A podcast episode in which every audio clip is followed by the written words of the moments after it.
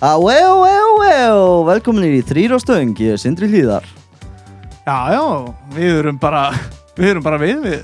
Hvað? Já, já. Þrýr á stöng Þrýr á Já, já. stöng, Ah. Árni, og Nonni og Hafi. Hefði sín. Já, já. Já, já, einmitt, það er, eins og við segjum, já, hérna bara way away ústrákar Vá. Wow, wow, wow En hérna, jú, herðu, það er búið að vera smá einhver gangur í, í hérna umræðahopnum og við bara, ekki bara beða sem flesta um að reyna Já, Óli minn, hér, við erum ekki að fara að gefa út þrjá þætti á einni viku eða fimm eða hvað var Hver var að segja það? Ólafur Óli? Tómas Já, Já, nei, við erum ekki að fara að ge gera það en, en, en það er kannski eitt sem við glemdum að nefna eh, áður en við byrjum að taka upp strákar uh, ástæðan kannski fyrir því að við vorum nú ekki með þátt í síðustu viku en Mhm. ekki, ekki það að við ætlum endilega að vera með þetta eitthvað eitthvað njörfa niður á einhverja daga endilega en, en hérna átni, Já, við erum hérna með nýbakaðan föður með okkur. Já. Ha? Það er tilfelli Nonni, bara þú varst að eignast eitt fitt á bad bara, Jú, það bara gerðist í, í síðustu viku. Og bara innilega til hamingju. Þetta Já, takk fyrir það. þetta er, þetta er ótrúlegt ótrúlegi, tímar og þetta, er- eða, þú veist, þetta er þetta er ótrú, ótrúlega stund. Já, já, já, þetta er svona humbling experience sko. Mm. þetta var hérna strákur. Strákur, jú, veðifélagi við, já, Hann nú getað verið það þó hann hefði verið stelpa en, já, en, já, nákvæmlega sko. En þetta hérna gekk bara vel og, og, og allir glæðir sko. það hilsast öllum vel. Helsa öllum er já, og, Frábært. og, og, og hann, hann dafnar og já, Hann vex og hann dafnar. Já, hann er átni, átni að Já, strjúka. knúsa staðinn sko. Já, ég hérna, ég ætla nú bara að viðkjanna það þegar ég heyrði af þessu og, og sendi mér myndir að litla stráknum þá, Þú varst meir? Já, var nú meira meir ég nú bara að gráta sko. Það- ég, er nú, ég er nú mjög viðkvæmur Já, hérna maður, ég skamma, skam, skammast mér nú ekkert fyrir það, ég er nú reynlega farin að gráta hérna núna en hættum að tala um þetta annars verð ég að hágráta. Já, En Annar ég- skipt í dag. Annars skipti í dag, já, einmitt já, en, hitt var á nonna bita. Já, en bara, nonni, hjartanlega til hamingju bara, og ég vona að hérna, ég að hlustendur okkar hérna, hendi á því einhverju kveðju inn á, inn á, inn á. Já, mikið verið það gaman. Það væri nú gaman og það væri nú gaman kannski að við fáum að Ha, Send- Fá hann í þáttin ha, fá, já, það var flottur í þættinum. Já, eða bara við kannski fáum að senda mynda á honum hérna inn á, inn á síðuna. já, já. Það Ég- það má örgla ef, móðurinn leifir sko. Já, þú mátt vera, þið megi vera guðdómlega stolt af þessum dreng sko. Já, það held ég Klappa fyrir honum? Jú, eða ekki, bara, ef, klöppum bara venjulega fyrst. Já, og svo skulum við nú fá hérna Já, hérna, hann á þetta skilið hvað- sko. bara, ég held þessu bara út þáttin, eða ekki? Vel á það. Nei, en bara, nonni, innilega til hamingju. Þetta er, þetta er geggjað. Já, takk. Já, en já, uh, út frá því, já, þá hérna, Þurkar hann augur Já. já, ég get þetta ekki, sko. Þá hérna, þá er það bara síðunar okkar, Já. subscribe, like og allt þetta. Share á og gefa okkur fimm og- stjórnum, kvitta og já, já. allt þetta, bara, það allavega, við verðum mjög ánaðir ef við, ef við hittum ykkur og þið eru búin að gera þetta. mm. Já, En þá er það sponsið, drengir. Spónskastið Herðu, við skulum bara Já, byrja Það er bara Nei Þetta er náttúrulega Það er, það er okkar bestu Malbygg heldur betur. Engvir betri Ungvir betri. Það er gamla byggið með þér. Já, herðu Og það er náttúrulega bara taprúmið þeirra Verður opið Bara Hvaða hérna dagar séru? Fimmtudag til lögdaga Mánudag til fösta Mánudag til þriðudaga Nei, það er fimmtu, fimm, fimm, fimmtudag til lögdags Já, opið frá opnum til lo lokunar Akkurat, frá því er opnað og þangað til þið loka mm pottjett, Að- flæðandi af öllum krönum allt og góður mjöður allstaðar og fagmenn bak við dælutnar og geta frætt ykkur um allan fjandan í I bjóð. like it Er það ekki? Jú. Já, einmitt. Herðu, og Veiðkortið þegar maður er búin að drekka sig malbyggaðan að, að þá fer maður og vesla sér eitthvað á netinu og, og það er hægt að vesla veiðikortið á netinu, það ekki? Jú, það er Ah. þetta veðurkort á netinu Hvar, á hver er vefslóðin? verslun.veðurkorti.is held ég Er ekki bara veiðkortið.is? Já, bara veðurkort.is Ég held að, Það bara eða það. Og veðurkorti Já, 2022 fer bráðum að koma Já, er það og- komið í brendun? Það er, eh, það er í prentun Er það, prentun. ennþá, var það ekki brendun síðast líka? Jú, jú. Ég held að, herðu, Mundi er í sótkví Mundir í sótkví Já, hann er bara í sótkví til þess að hann geti verið að hamast hérna við þetta. Já, hann er ekkert í sótkví Nei, ég, ég held að ég hef séð myndaðan um daginn í sótkví og, og hann var að hamast, herðu ég er ekki frá því að það hafi nánast ekki verið hár á höfðun á hann Nei, þú segir það. ég er að segja ykkur þetta sko. Það er bara, það var, ég sá eitt. Ég veit ekki hvað verður í næsta þætti. Nei, mm, það verður eitthvað spennandi að sjá hann þegar hann kemur á sótkvinni Já, ég veit ekki, en Átni, ertu með skúp með veðurkortið? ekkert skup en þá Ekkert en þá Þetta er að vera rosalega spennandi með Er, er, hann, er, hann að, er hann að ljúga því svona upp fullan eða hvað hva, hva er málið? Þú er hann ekki að segja, er þú bara, þú veist miklu meira en þú ert að gefa upp hérna, eða hvað? Nei, ég bara veit ekki Svaraðu drengur. Sva, já, Já, einmitt, ég er að svara, ég veit ekki. Þú ert, þú ert að ljúga, sko. En allavega, en allavega, hvað við erum, við erum að tala um veiðukortið sem allir veiðumenn eiga eiga, þetta er skildu eign Veiðimannsins veiðumannsins, er það ekki? Já, Og þá er það, hérna, haugurinn, strákar. Það er haugin Já, haugur, já, það er haugurinn. Hvað er hérna, það eru væsarnir, við ætlum Það er að, væsan, það er regalinn maður. Já, vinnu þjarkurinn ég kíkti á hún í dag og ég hef búin að vera svona spá í þessu og ég ætla að ég, ég bara segi það. Mhm. ég ætla að byrja að nýta í vetur. Já, já, herðu, og haugurinn sagði mig, já þá bara ferðu regalvæs og ég bara já, er það, hann sagði, sko í fyrsta lagi, þá kostar þetta rosa mikið af pinningum en ef þú eftir mánuð eða þrjá, eða sjö eða, eða tvö ár þú getur bara komið með hann bara þessuna til mín og ég skal selja hann og þú fær nákvæmlega það sama og þú Já, keftir hann já, já. Það skiptir ekkert máli hvort þessi búin að nota hann í eitt ár eða tvö ár eða tíu sinnum eða, eða 150 sinnum. Mhm. Þú getur basically fengið það sama fyrir hann og, og þú keftir hann á. Það er bara svo Já. Toyota Þetta er basically eins og landkrúsir já, einmitt, nákvæmlega Nefn að ég rekar þá þarf ekki að skipta um hvern einasta hluti á hann til að selja hann aftur á saman verði já, þú hefur bara lendað á einhverju slæmum Hvernig, krúsir. hver, fóruðu eitthvað út í verðið á honum? Uh, já, við fó- fórum svona eitthvað í verðið á honum. Ég held að hann sé að tala um, sko, ekki hafa þessu orð alveg eftir mér, Nei. En hvort hann var að tala um 75.000 skall. Já, fyrir stikkið Já, sem að er eitthvað, hann kaupir þetta gegnum Evrópu og fær þetta ódýrar þannig. Nei, hann kaupir þetta gerum Ameríku og færði ódýrar þannig Þá Er þá- það? þá Já. þarf þetta ekki að fara í gegnum e Evrópu Já, já, já, það er þannig. já. Já, og ég sagði hann, nú, byttu, ha, en hvað, getur ekki gert business úr þessu og selja þetta bara? Hann bara, nei, af hverju á ég að gera það?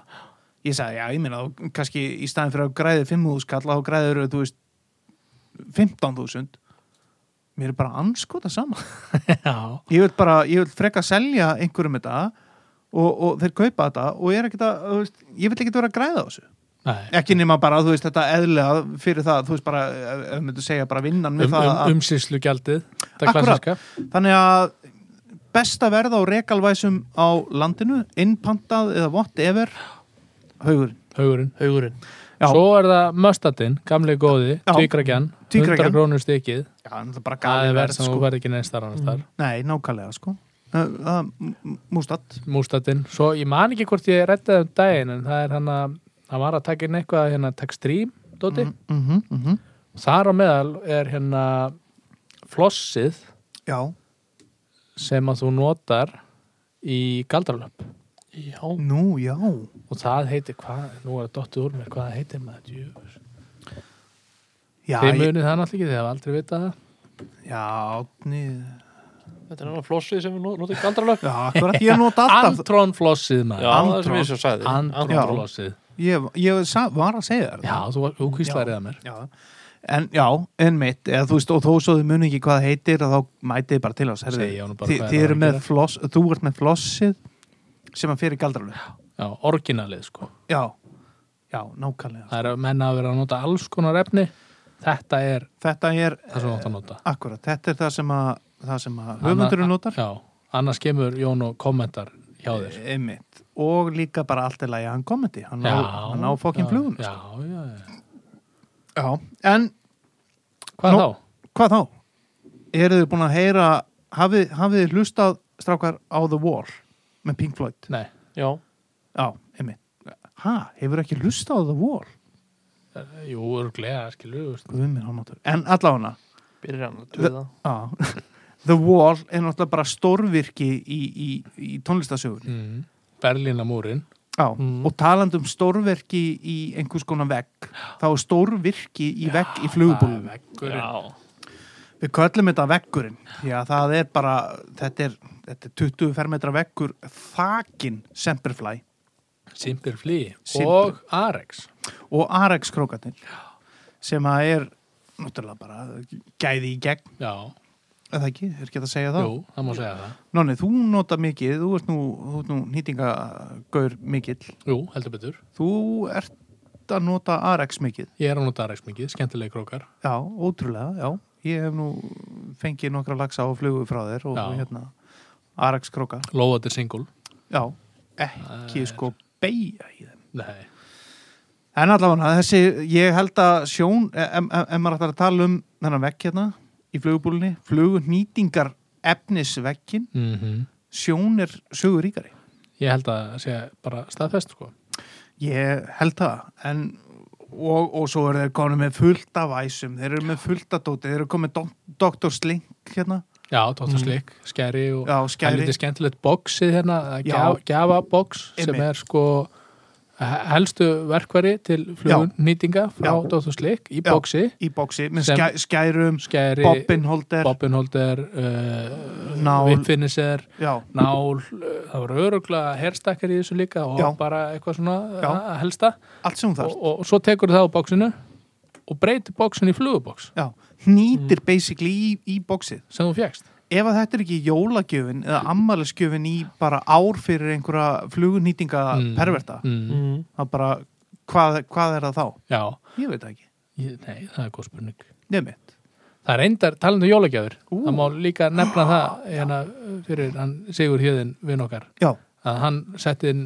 post hérna í vikunni já, að bókin hans er komin í brendur herðu, Já. hún er komin í prentu- þriðja Þrið- bókin maður. Já, herðu. Þriðja bókin er komin. Það getur verið jólagjöf. En það er líka, já bara þetta er bókin og svo nýtingasett já, þá er bara jólagjöfin komin. Að býðu þið rólegir hann býður upp á meira. Já. stopp hér, haldið Stopp kjafti. nú. já, stopp nú skett. Nú skal en nýti en flug mm. já, en hann ætlar líka að vera með fullt af námskeiðum já, hans ekki já, já, Já, byrjun já. á námskeiðum fyrir lengra komna já, já. það er bara, þú veist og er, er jáfnvel hægt að fara að kaupa gjáðbreyf hjá hann þá ég myndi segja 100% já, þú átt, þú átt kall eða, eða þú átt konu sem er að byrja að nýta Mm.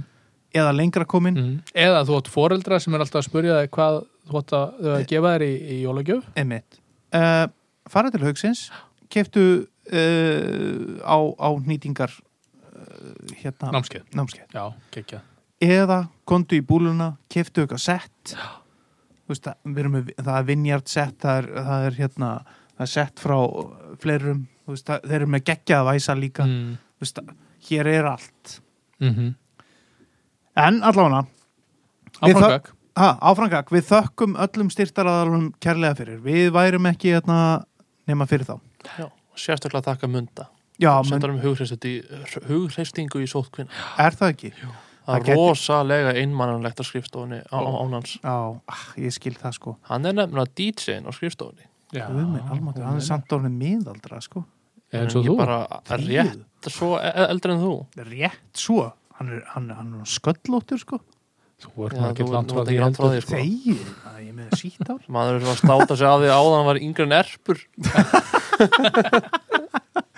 En allavega, já, við þökkum, þökkum styrtaraðalum kærlega fyrir. Bara, takk, takk. fyrir okkur Túsund takk. Túsund takk, skatt, ég. Herðu, þá er það veðdellan Veðdallan, Herðu, það er nýtt. Lát heyra. Herðu, Gummi Jör já.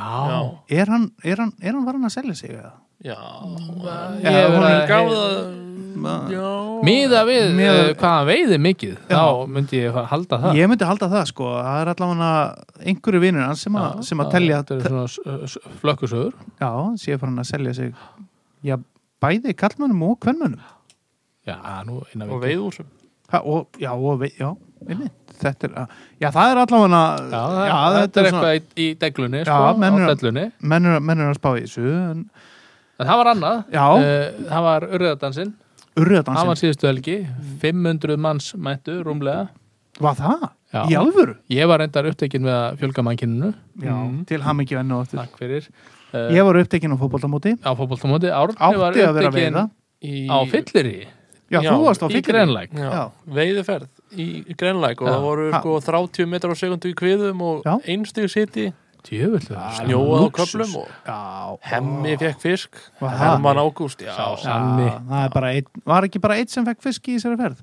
Nei, fengum allir fisk Í, Ja, í Grenlæk Já, og leðinni leðinni tilbaka þá fengum við fisk Já, ok, já, já, já. Þannig. Já, Mhm. Hvar? Í Grenlæk? já, Já, já, já, Já, leiðinni tilbaka í það. Grænleik. já, já, ok, já, já En, en allavega þá, þá, þá, þá var þetta ferdi fjár hjá ykkur. Algjörlega þetta var, þetta var mjög skemmtilegt. Já, og, og þið, Horfum á borat. Já, Já, herðu, ég hérna, ég, ég hérna leiðilega skemmtilegt, skemmtilega leiðilegt, þá ætlaði ég nú að vera með ykkur, mm. hlakkaði nú mikið til, en, en, en, en hérna, Það var Bara- að reyna að finna afsakanir hægri vinstri til þess að komast undan já, en svo, svo datt inn alveg indisleg afsökun, Já, að hérna, ég varð að fara með strákinn á fótboltamót og hérna, Sem sem var, breyðablík. já, það er bara party, kópó, Hvernig gekk? bara mjög vel, Já, gaurinn, ok. gaurinn uh, setti eitt Já, sætt. mm. uh, átti eitt bara rétt hjá samskeitunum eina stóðsendingu Já, stóð sig eins og uh, hérna ég veit ekki hvað í vörninni hann er ekki varnasinnaður sko. nei, nei. Hann hann var svona- heldur ekkert sáttur þegar maður settur í vörnina en allan á nóga því að þá hérna þá var ég svona átni, ég var svona nokkuð sáttur með það að fara ekki í þessa veiði þanga til að ég sá að þið voruð að elda mat og borða mat og horfa á bóra þá hugsaði mig, nei, anskotin nú verð ég nú til ég að vera þarna þetta var rosalegt. Og síðan sko fóru á smiðjuna. Já, leiðinni smiðjan. austur og leiðinni heim. Já, frábært. Það Það gerir alla ferðið það er betur. skildustopp veiðimanna. Já, já, en, en, en hérna ég var samt sko, mér leitt aldrei vel því að setna um kvöldið og þá hérna satt ég heima hjá mér niðurbrotin yfir því að þið var að horfa borat og hafa gaman og ég heima bara að horfa á einhvern lækna þátt eða einhvern ömurð með konunni. Að hérna, þá ringdi hemmi í mig. Já, Já, þá máttuður ekki sko, þá var bara brjála viður og þeir máttu ekki reykja vindlana inni. Þannig að þeir fóru til bíl, kvektu sér í vindli og ringdu í gamla. Já, eða ringdu í nei, ringdu í mig. Jafnaldra. já, jafnara. gamla. Sk- já, já, ringdi í mig og þannig að ég fekk svona smá, smá tilfinningu og, og opnaði með bjór. Mm. Og strax út og kvekti mér í vindli á meðan ég var að tala um það þannig að mér leiði eins og ég væri aðeins með ykkur í veiðinni Mikið er það fallið. Þannig að ég fór hérna í síðustu veiðin ferðina svona eiginlega með ykkur. Já, fallið saga Já, en allavega, herruðu, þátturinn í, þátturinn í kvöld, það var náttúrulega með honum hérna, sem, sem að Situr hérna með hérna, okkur, hún er Sindra. Og hérna, strákar, hvað hva hefur að segja mér um þátt? Tilfinninga er, er leyti, niður. sko. Já.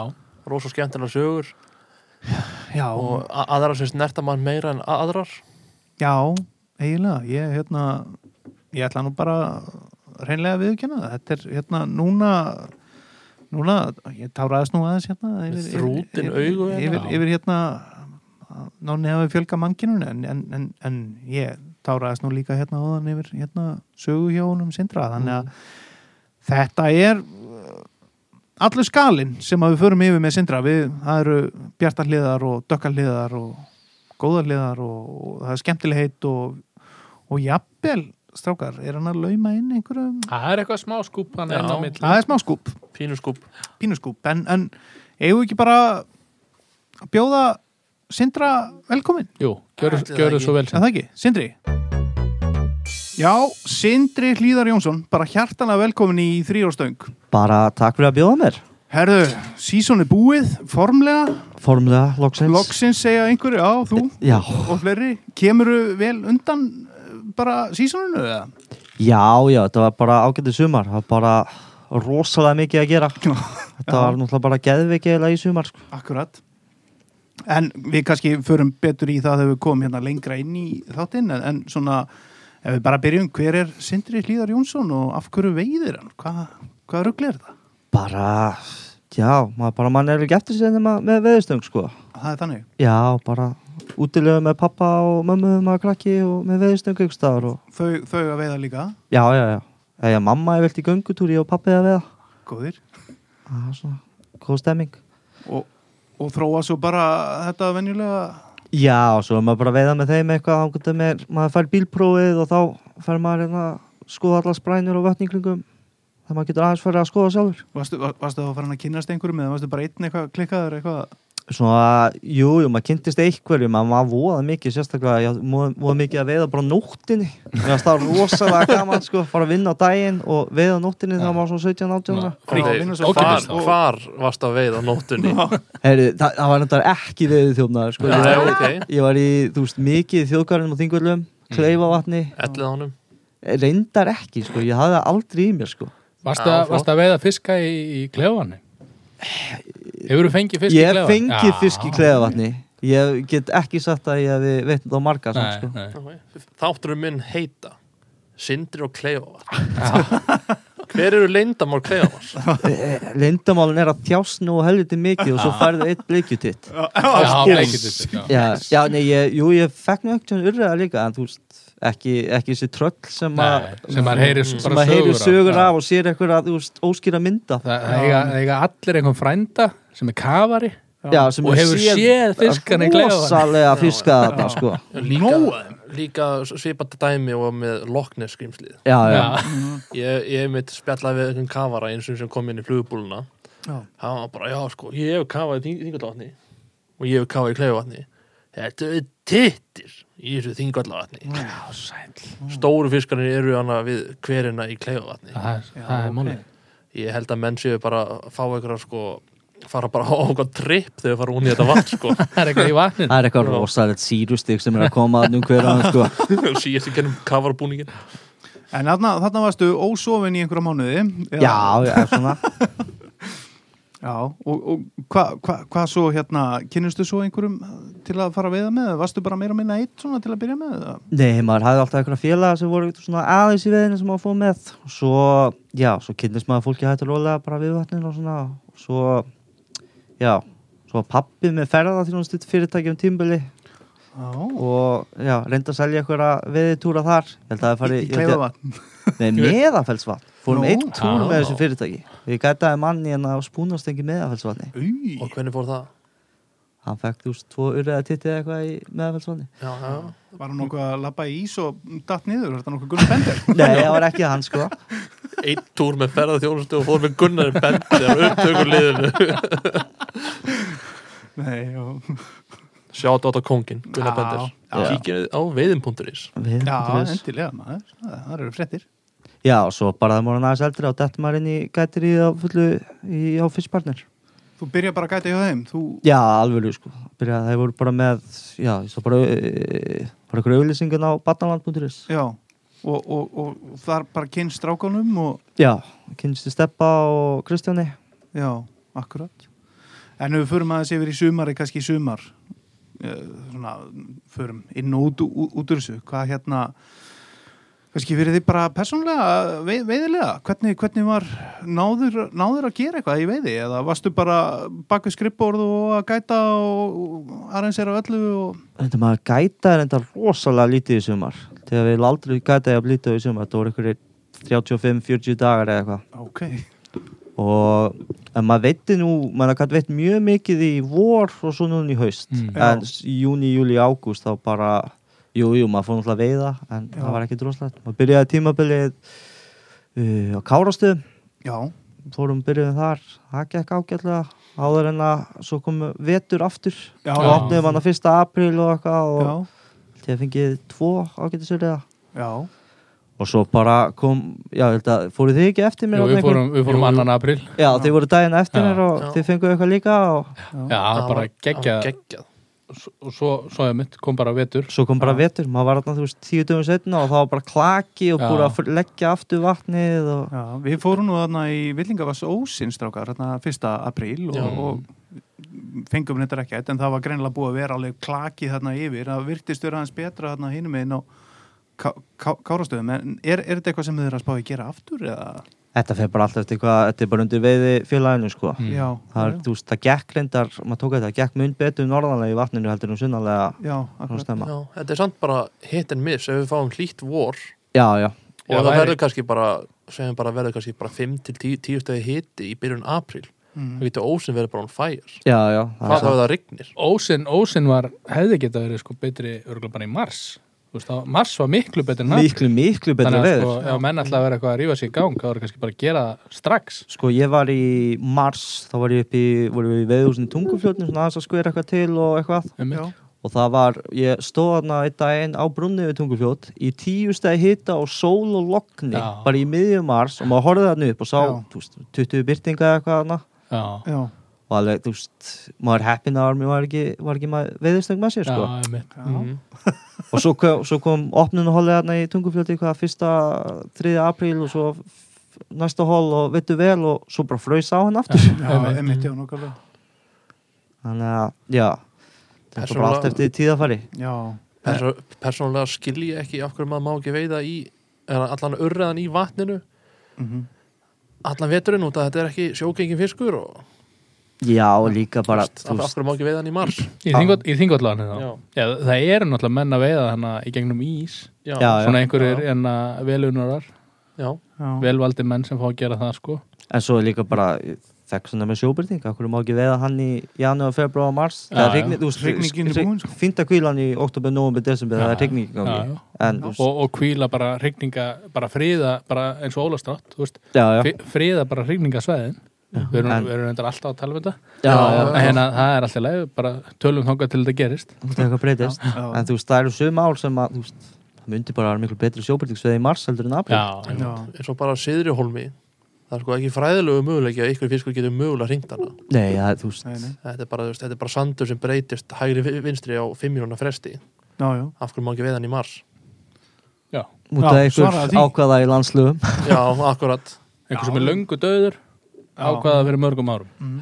Förum á þing með skildi og á morgun stopna bara flokk flokk í viðbót. Já, veiðiflokkurinn. Veiði flokkurinn á mótið lagselt í sjó og Já, og, og veiða í á, á, veða lengur Já, veiða lengur mm. En hérna var eitthvað sem að stóð upp úr svona persónulega sko hjá þér í veiðinni í í sumar, hvað var svona highlightsið? sko, þeir voru nokkur eins og segi, ég byrja alltaf hann á kárastöðum eða Mm. alveg saman hvort sé opna fyrsta eða 20. apríl þá er það svona það sem ég vil helst byrja Já, svo, jú, og maður alltaf hellingi einhverjum hálendi sprænum að þegar maður gæti aðeins skotist í júni og júli sem voru ekki margir dagar nei, en svo stendur alltaf upp úr sandáin eða tungufljóti hjá mér. Mm. já. Þú gerir alveg ágætis veiði í sandáni eða það ekki? jú, jú, það þú veist maður veit hvað fiskurinn er Já. og lendir ekki í stór flóði. Já, já, nákvæmlega. Eins og Raggi vinnur okkar. Greikallinn en það geggja að fara í sand á eftir stórflóð já, já, þá er bullandi taka og já, Já, er það ekki aldrei svona tíminn hérna, svona setni part sumars Þetta er- hann- þetta er september. Já, þetta já, Mm. þú veist, hann, fiskurinn er mættur í ágúst, hann er komin náttúrulega í ós einhvern tíðan í lok júli, byrjun ágúst og svo er bara spurning hvenær rignir, hvenær hann gengur upp í ána. Já, akkurat er engin sjóbyrtingur í Sandá Jú, það Ah. er svolítið að sjóbyrting en reyndar, það virðast að vera áraskipt sko í ár, þá man ég eftir þrejum byrtingum eða eitthvað. Já, og svo 2019, þá var ég með kúnaðarn og við tókum bara, þú veist, fimm í beit. Já, Mm. Þannig að, Er, það, er það ofalega jáni sem að, sjóbyrtings, að sjóbyrtingurinn er að halda sig eða er hann bara svona dreifður? sko ég bara, þú er ekki að fara með það. Svo ég segi, þegar ég fundi byrtinga þá hefur það verið bara við og dreif. Já, Mm. akkurat.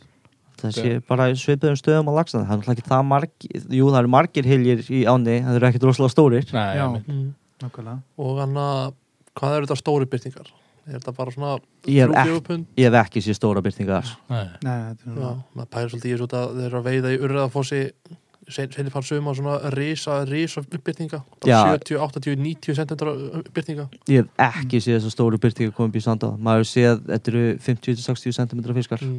sem er, þú veist, bara flotti byrtingar en, já, já. Já, já, já. mm.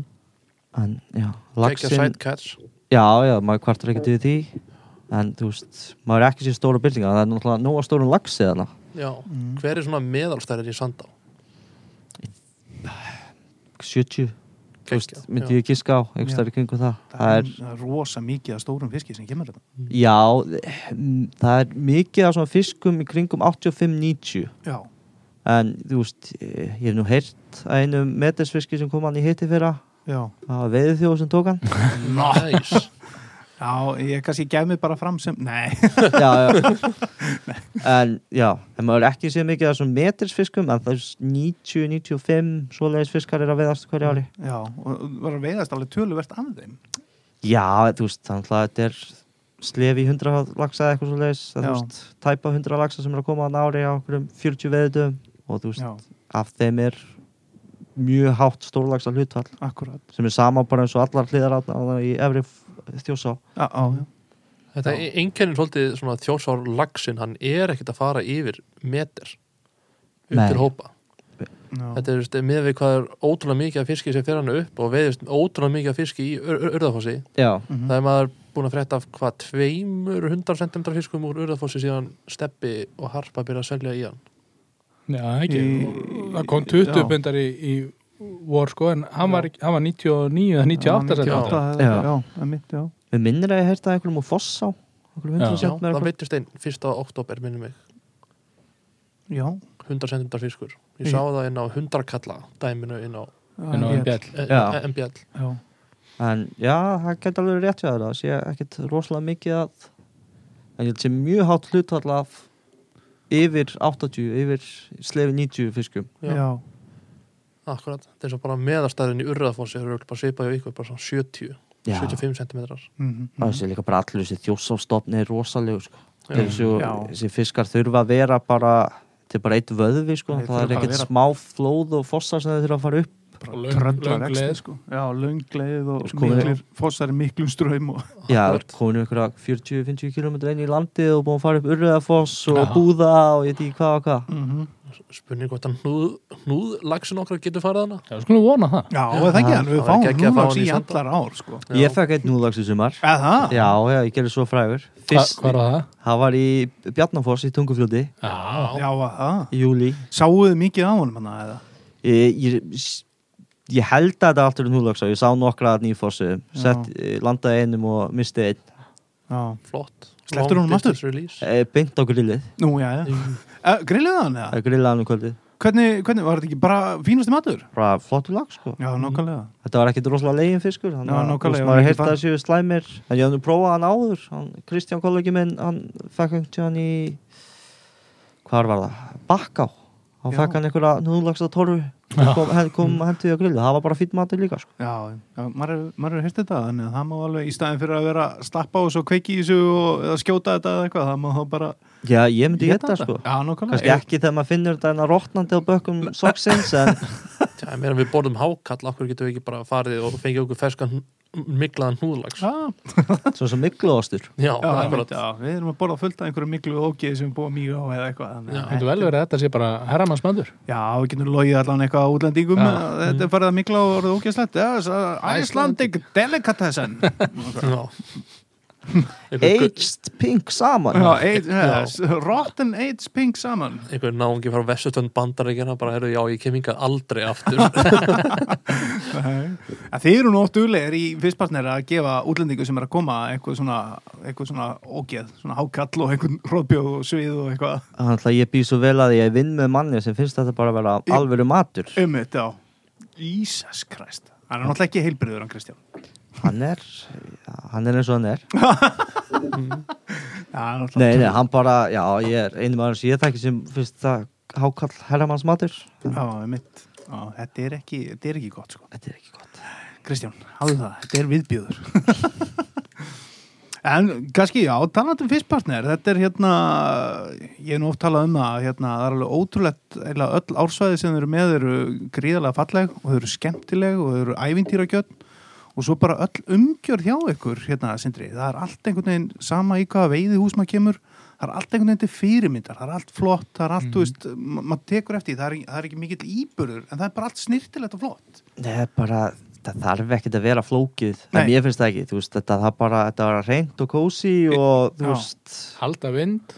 halda vind Já. og vera hlýtt og maður getur haft gott á kvöldin og borðað eitthvað og svo bara, Já. svo er maður hann til að veiða maður er ekki hérna til að vera svo, er, Nei, svo er líka mjög næst touch að vera með hérna myndir af Kristjáni sko. það er mjög gott að upp á sko. sko. Það er reyndar eina sem að kannski er, er hægt að setja út á, út á, út á þetta veiðfélag. Það er aðeins svo mikið að myndum að Kristjáni allstaðar Vanda kannski fleiri myndir af þér Til dæmis, sko. sko mm. Þú myndalega Kristján, sko. eða ei, það vant alltaf mikið að myndum með eitt þetta falleði Já. maður sko. Ég held samt að uppröðin á þessu röfli og haffa er út að er enga myndar honum neinstað í húsinu. Það er kannski alveg ástæða fyrir því. Get, getum við kannski bara fengið frá svona pappaspjöld life-size og Pétur Jóhann var í ha- hagkaup það var bara haffa í öllum húsum Já, nei, það verður nú ekki fól, að láta fólki líða illa en, en svona afinn að taka manni á móti manni þegar maður kemur Heyrðu, til ég hús er ekki að taka gammal En hvað, sko, hvernig kemst þú inn í, sko, eh, byrjar sem, sem gæt og í dag ertu gæt og hvað, meðeigandi? Þú, þú ert bara partur af fyrstpartner. Förum í gegnum söguna þina, sérna. Sannst, ég byrja að gæta hjá fyrstpartner hvort það sé 2013 eða 14 og þá er þetta verið stopnað bara var stopnað 2013 á hann Kristjáni sem á þetta með mér í dag og eh, Steppa Jones og Raka Lásasmith Já. og svo svona hættur rólega og ég var bara, já, ég var bara að gæta hann hjá þeim og bara mjög gaman og svo einhvern veginn hættur rólega kom ég bara komst ég meira og meira inn í þetta það var alltaf einhver auka verkefni og ég var alltaf til að hoppa í þau Þú er alltaf duglegur. já, já, því nenni Mm -hmm. og ég á okkur, þá getur maður ekki verið það Mm og já, svo seldi Steppi og Raggi og Gunnar Örn keipti inn og svo 2017-2018 þá einhvern veginn bara sá maður þetta var svona springa hjá strákunum þetta var Já. bara, þú veist, þeir þurfti einhvern annan inn Já, og þá, já, byggðu mér að koma með inn í þetta bara í fullt starf já. og kaupa með inn og já, síðan þá er Gunnar Örn þetta búið að, hann var voða sniður og seldi sig út rétt fyrir COVID hann, hann vissi, þú Hann hann er klóku sko. sko, hann, Hann vissi klók. nákvæmlega hann vissi að þetta verið að fara að ske hann er alltaf bráðgáfaði maður Já, og lögfræðingur, hann, vi- hann vissi eitthvað sko já, já, tengslu Kína já, tengsl á já, já. Kína, já, hann, hann er allstað með tengsl sko. allstað með tengsl hann var búin að hlera þetta hann í Wuhan sko. hann, að, já, hann held, seldi sig út núna 2019-20 já, og þá eftir er bara ég og Kristján og þú veist, það er bara alltaf ég og Kristján unni rosalega vel saman í gegnum síðustu 8-9 árin Já. það er bara maður lært mikið á hannum og já, bara okkur fyrir svona ágætlega í skap saman já, það er alltaf bara mikið að maður er að vinna með einhverjum heldur betur einmitt og vinna bara close, náið bara Já, já, við höfum delt rúmi oftar en einu sinni, oftar en tvisar á einhverju veiðisýningu með einhverju með út í bandaríkjáðum, sko. ekki er það slæmt Ekki það slæmt, sko. Nei, nei. Ne Nefna hans er búin að fá sér lakrís. Ah, já, djöfullin eru þau þá með sumu sænga Nei, við höfum nú ekki lent í því ennþá, sko. hákall og lakrís. Það er gott kombo, sko. er gott kombo. Bara auðvitað, svona veist, bara lakrís sem enginn borða, bara með engu, engu massipan í eða já, eitthvað já, lakrís. Apotekara lakrís og hákall það er- að- það er svona prumpulitin lítur Já. að vera góð.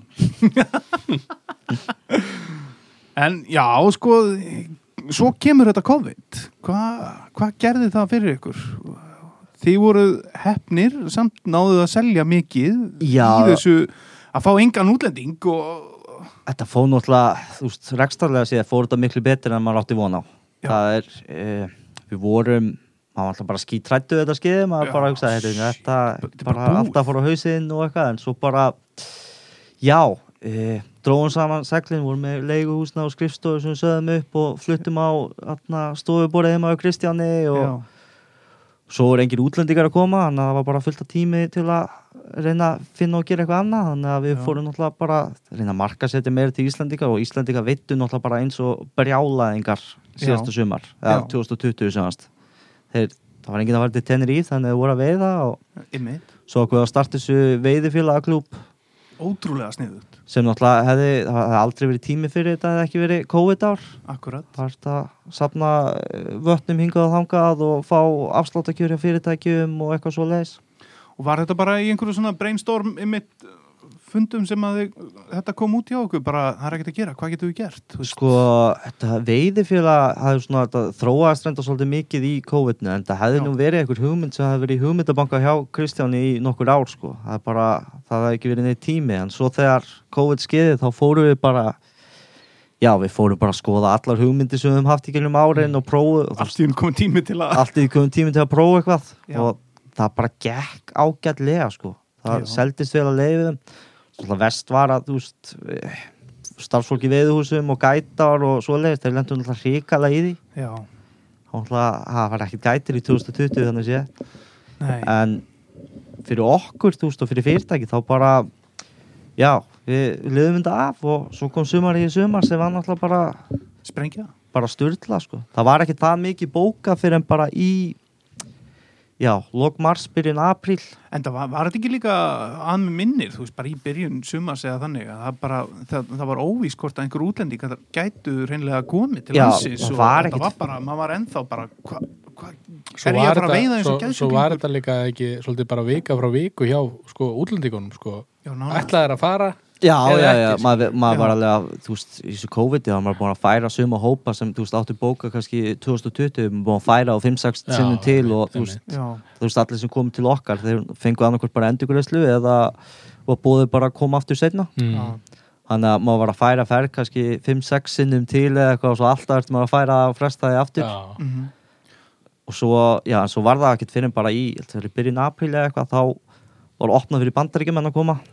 já, akkurat. Og það var svona bara náttúrulega stæðsti kúnahópurinn okkar er í bandaríkjum Já, maður sá, maður hefur fylgst með nokkrum á, á Instagram og einhverjum sem hafa verið að koma reglum til eitthvað, þeir bara, yes það er ég búið kemst það er sko, búið að opna en þá líka bara, þá voru ekki bara þeir sem átti bóka 2020 að koma, þá voru bara allir aðri sem voru veiðimenn og bara heyrði, það er ennþá lokað í Kanada, það er Já. ennþá lokað í Rúslandi það er ennþá lokað í Suður-Ameríku, Já, hvert get ég farið að veiða? Og þeir ákveðu allir að koma til Íslands. Já, þannig að það var bara nú tímbili í vor sko maður sátum bara í tölvunni þú veist, til miðnættis öll kvöld að reyna að bóka fyrir næsta sumar og já, svo náttúrulega var, þú veist, maður ekkert verið þóra að bóka gæta allt og langt fram í tíman eftir Mhm. að það þurfti að afbóka það alla árið áður. Einmitt. Þá vart maður að fara að finna gæta. Það náttúrulega ég náði tveim hérna þetta borður endar Já, já, hvað var það, af hverju þessi þriði, af hverju fekk hann? Já, nei, já, já, það var í veikindafríu, skilst mér. Já, já. akkurat, passar. En svo sem betur verið, svo bara já, svo fengum við góðan liðstyrk í hann meiði Kristjansinni, sem kom og er orðin nýr sölustjóri hjá okkur. Hann kom inn hjá okkur núna í júni Já, það er svona aðeins happa fengur. happa fengur, veiði yður. Veiði eður Já. stór sjátt á þetta, hann alveg Já. bara maður veit ekki hvað maður hefði verið í sumar sko. Nei, það er nokkuð, eh, bara vantaði bara ekki þetta, þriða mannin sem hefur passion fyrir þessu. Jú, það vantaði bara eitthvað sem gatt bara fleiri hendur sko. Mm. einn sem gæti verið einn á skrifstofan í allt sumara meðan þið voru að gæta og veiða og... já, já, já. Já, nú að gera ég á eyðinu svo náttúrulega það ég, þú veist, eður kemur þarna inn sko og bara stuttu eftir það bara, þú veist, tveim vikum eftir að eður kemur inn Mm. þá fellur pappi minn frá mjög brátt. Og ég heila bara lappað út á skrifstofun og kom ekkert aftur í einhverja þrjár vikur sko. Já, einmitt. Þannig að hann alveg bara hjælt öllu á floti. Hann og Kristján náttúrulega líka voru alveg bara já, haldið undir um hann já. Já, þannig að það er gott eða gott bakland. Já, já, heldur betur. Það, er- það er, það er allt og gott sko. Já, já, En þetta veiði félag, förum aðeins í það, við kynnt okkur aðeins fyrir þessu veiði félagi, Hva, hvað er þetta? Hvað, þetta er sniðu dæmi. Herru, veiðifélagar er sem sagt þetta er veiðiklúpur í rauninni innan Fishpartners Ok. þú borgar áskjald sem var núna 2021 6.000 krónur og verður svipað núna næsta ári. Já, þú færið uh, árskort í, í sumar var það 12 vötn í næsta sumar verður það allavega 15 vonandi fleiri. Uh, og bara svipað og veiðikorta konsepti með, á því leiti já, bara aðeins, aðeins, betra ekki? Ég ætla, nei, ég, ég mæli bara alltaf með að kaupa bæði sko. ég er alltaf með bæði varsam en uh, já, svo færðu líka þú fær afslætti á veðilefum hjá okkur bara svona eins og í flestum svona veiðiklúpum já, já. Forgang á veðilefum, þú safnar veiði krónum, þá kaupir Já. veðilefi í vefsölun hjá okkur. Og því sem kostar tíðu skall, þá færðu þú veist 500 krónu endurgræslu í veiði krónum eða eitthvað svoleiðis sem þú getur síðan nota í veðilefi setna Ótrúlega sniðut og svo erum við með, já, við erum 108 fyrirtæki sem bjóða félagsmönnum afsláttakjör. Já, það er meðal hérna í flugbúlinni Það er á meðal hérna snillingarnir í flugbúlinni. Já, ég, Það það, voru þó nokkuð margir meðan ég hérna, stóð hérna sveittur að kalla á Jóa í sumar að, hérna, sem að eru Heimta afslátt. Heimta afslátt, 15 prófast og öllu nema Gílúmus eða Patagonia. Akkurat, sem er bara þú veist, Ekki magn, kjör. það er eiginlega bara þessana þú veist, ef þú ætlar að fara að kaupa þér eitthvað þú veist, eitthvað við, þá kaupur þér bara Já, þú veist, þetta kort og það spara þér heilan helling, þú er búin að borga það upp á bara einni, einni bú, hérna, búðaferð Já, þú getur, e, það borgar sig að ætla að kaupa veðlif í þrastalund hjá okkur, þá er afslátturinn þar dekkar árskortið, Já. Akkurat, sko. Það er svolítið þessum mörgum. Svo, svo eru þið líka með ekki einhverja erlenda voru ekki einhverja stangir Jú, jú, við erum, erum með afslátt hjá í- bara, já, það er Blue Halo, bjóða, minnir þessi 15% afslátt, Rep Your Water hefur komið með einhvern afslátt inn, ekki, ekki, Watermaster bátarnir, þeir eru á, hvort sé, 10 eða 15%. já, ekki, ekki Þannig Það að- eru votir master bátar. Watermasters bátar, Já, það er, uh, hlýtur á að sé hitt en aðna, það, vídeo bláu. sem, sem fara niður kvöldugvísl, það eru Watermaster bátar. Mm, geggja og hvað eru þeir svona að kosta? Eh, bara, nú, þú er ég ekki að fara með það, sko. Já, En, já, ég hef bara... kringum þrjár miljónur eða, nei, Nei, góður afsláttur á 10% 10% Þetta er einhverju hundra áskallar já, Já, já, en að geggjaði bátar. Geggjaði Já, bátar sko og sko. alveg þeir sönnuðu það með að fara niður einhverja fossa og flúðir í köldukvísla á þeim. Já, um Þannig að Svo er Blue, Halo stangina svolítið svona skemmtilegar hérna glerið komið aftur sko. Já, Já, Já, þetta er Þess að tekja mig að vita að ég er mikill glermaður.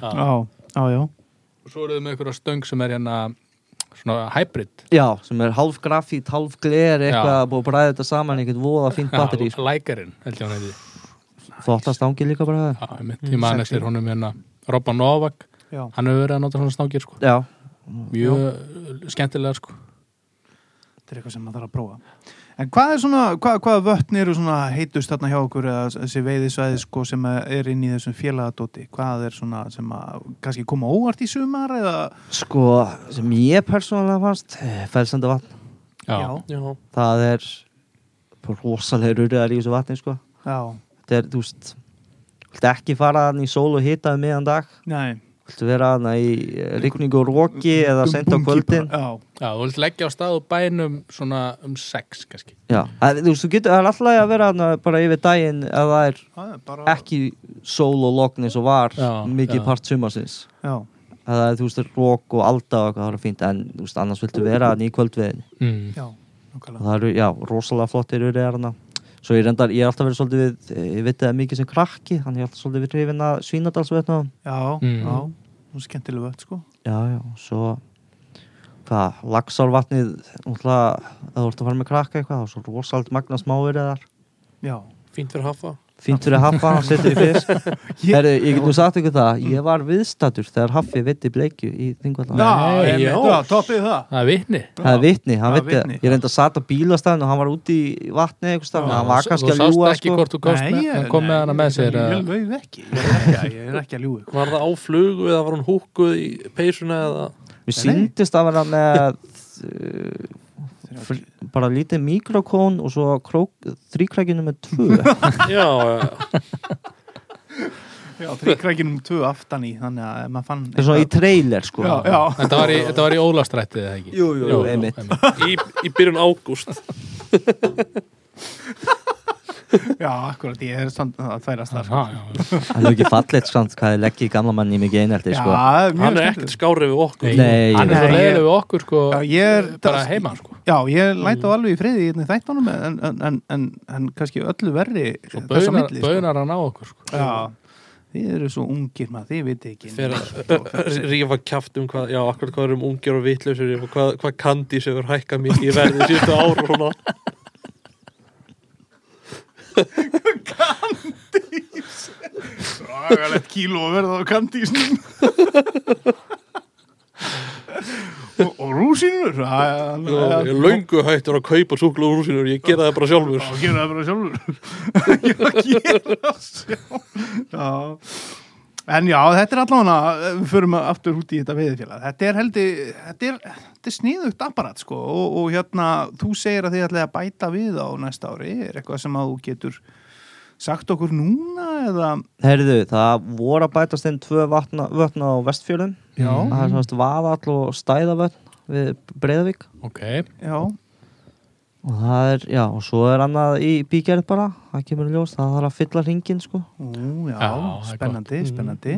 getur þekkjur þau vötn eitthvað svona? Nei, ég hef ekki veitur sjálfur. Nei, Kristján. Kristján var aðna eins og mingur í sumar. Já, Já, já, Nú, núna kem ég sterkur inn og ég hef heyrt af veiði hana í vaðal, vaðlinum. Já. já, Breiðuvík Já. Jón Sigursson heitinn. Uh, á, á Bíldudal. Nei, fyrir ekki. hann veitti mikið þannig Já, það, mjög mikið urriðan á flottum fiski og það tala um flugunýttaran Já, flugunýttarinn. Já, það er þannig. fjögur pund alveg, það, erum við að já, tala um þannig þannig fiska? að allan tvækja þryggja punda fiska sko Já, það ég meina, þú veist, Það er kannski hægt að vatni fá er hann hérna, hann hérna Ívar til að segja okkur eitthvað frá þessu Já, Já. hann getur alveg, hann er alveg potið búin að veiða þarna eitthvað. Ívar, þú, þú kannski kommentar á þetta hérna, eitthvað í síðun okkar, já, segir okkur eitthvað aðeins frá þessu. En, en já, er eitthvað fleira sem þú getur eitthvað svona farið með okkur í gegnum, gegnum þetta, þetta, já, svo náttúrulega byrjuðum við á í sumar núna að vera náttúrulega alltaf verið með mikið að námskeiðum og það verður sett aðeins meiri í því. Náttúrulega púpunámskeiðin sem hann Sigþór og Rapp voru með. Herru, það er bara glimrandi lukka, það var bara, þurftuðu ekki að bæta við? Jú, jú, það var uppsalt á öll og það verður bætt í og þau verður haldin aftur núna í vetur, eða í vor sem það næsta. Já, svo var náttúrulega þetta var alveg, þetta var sem sagt 101 og svo 102. eh, 101 og 201 Já. Fyrst- fyrst var, fyrstu námskeiðin var bara uh, Sigþór og Rapp með fórum með fólk upp í bugðu Já, og voru að kenna bara hvernig að veiða anstreymis í fyrsta skipti og þú veist, var tekinn dagur þar og Já. bóklegt kvöld þarna vikun áður. Og próf, og próf? Já, já, það var próf sko, kóniski taumar og hvernig var nýta núta. Nei, það var nú ekki alveg svo slæmt sko En svo, se, miður út fallin, drullaði hérna út. Þú fær ekki að veiða á rubberlegs Já, því miður.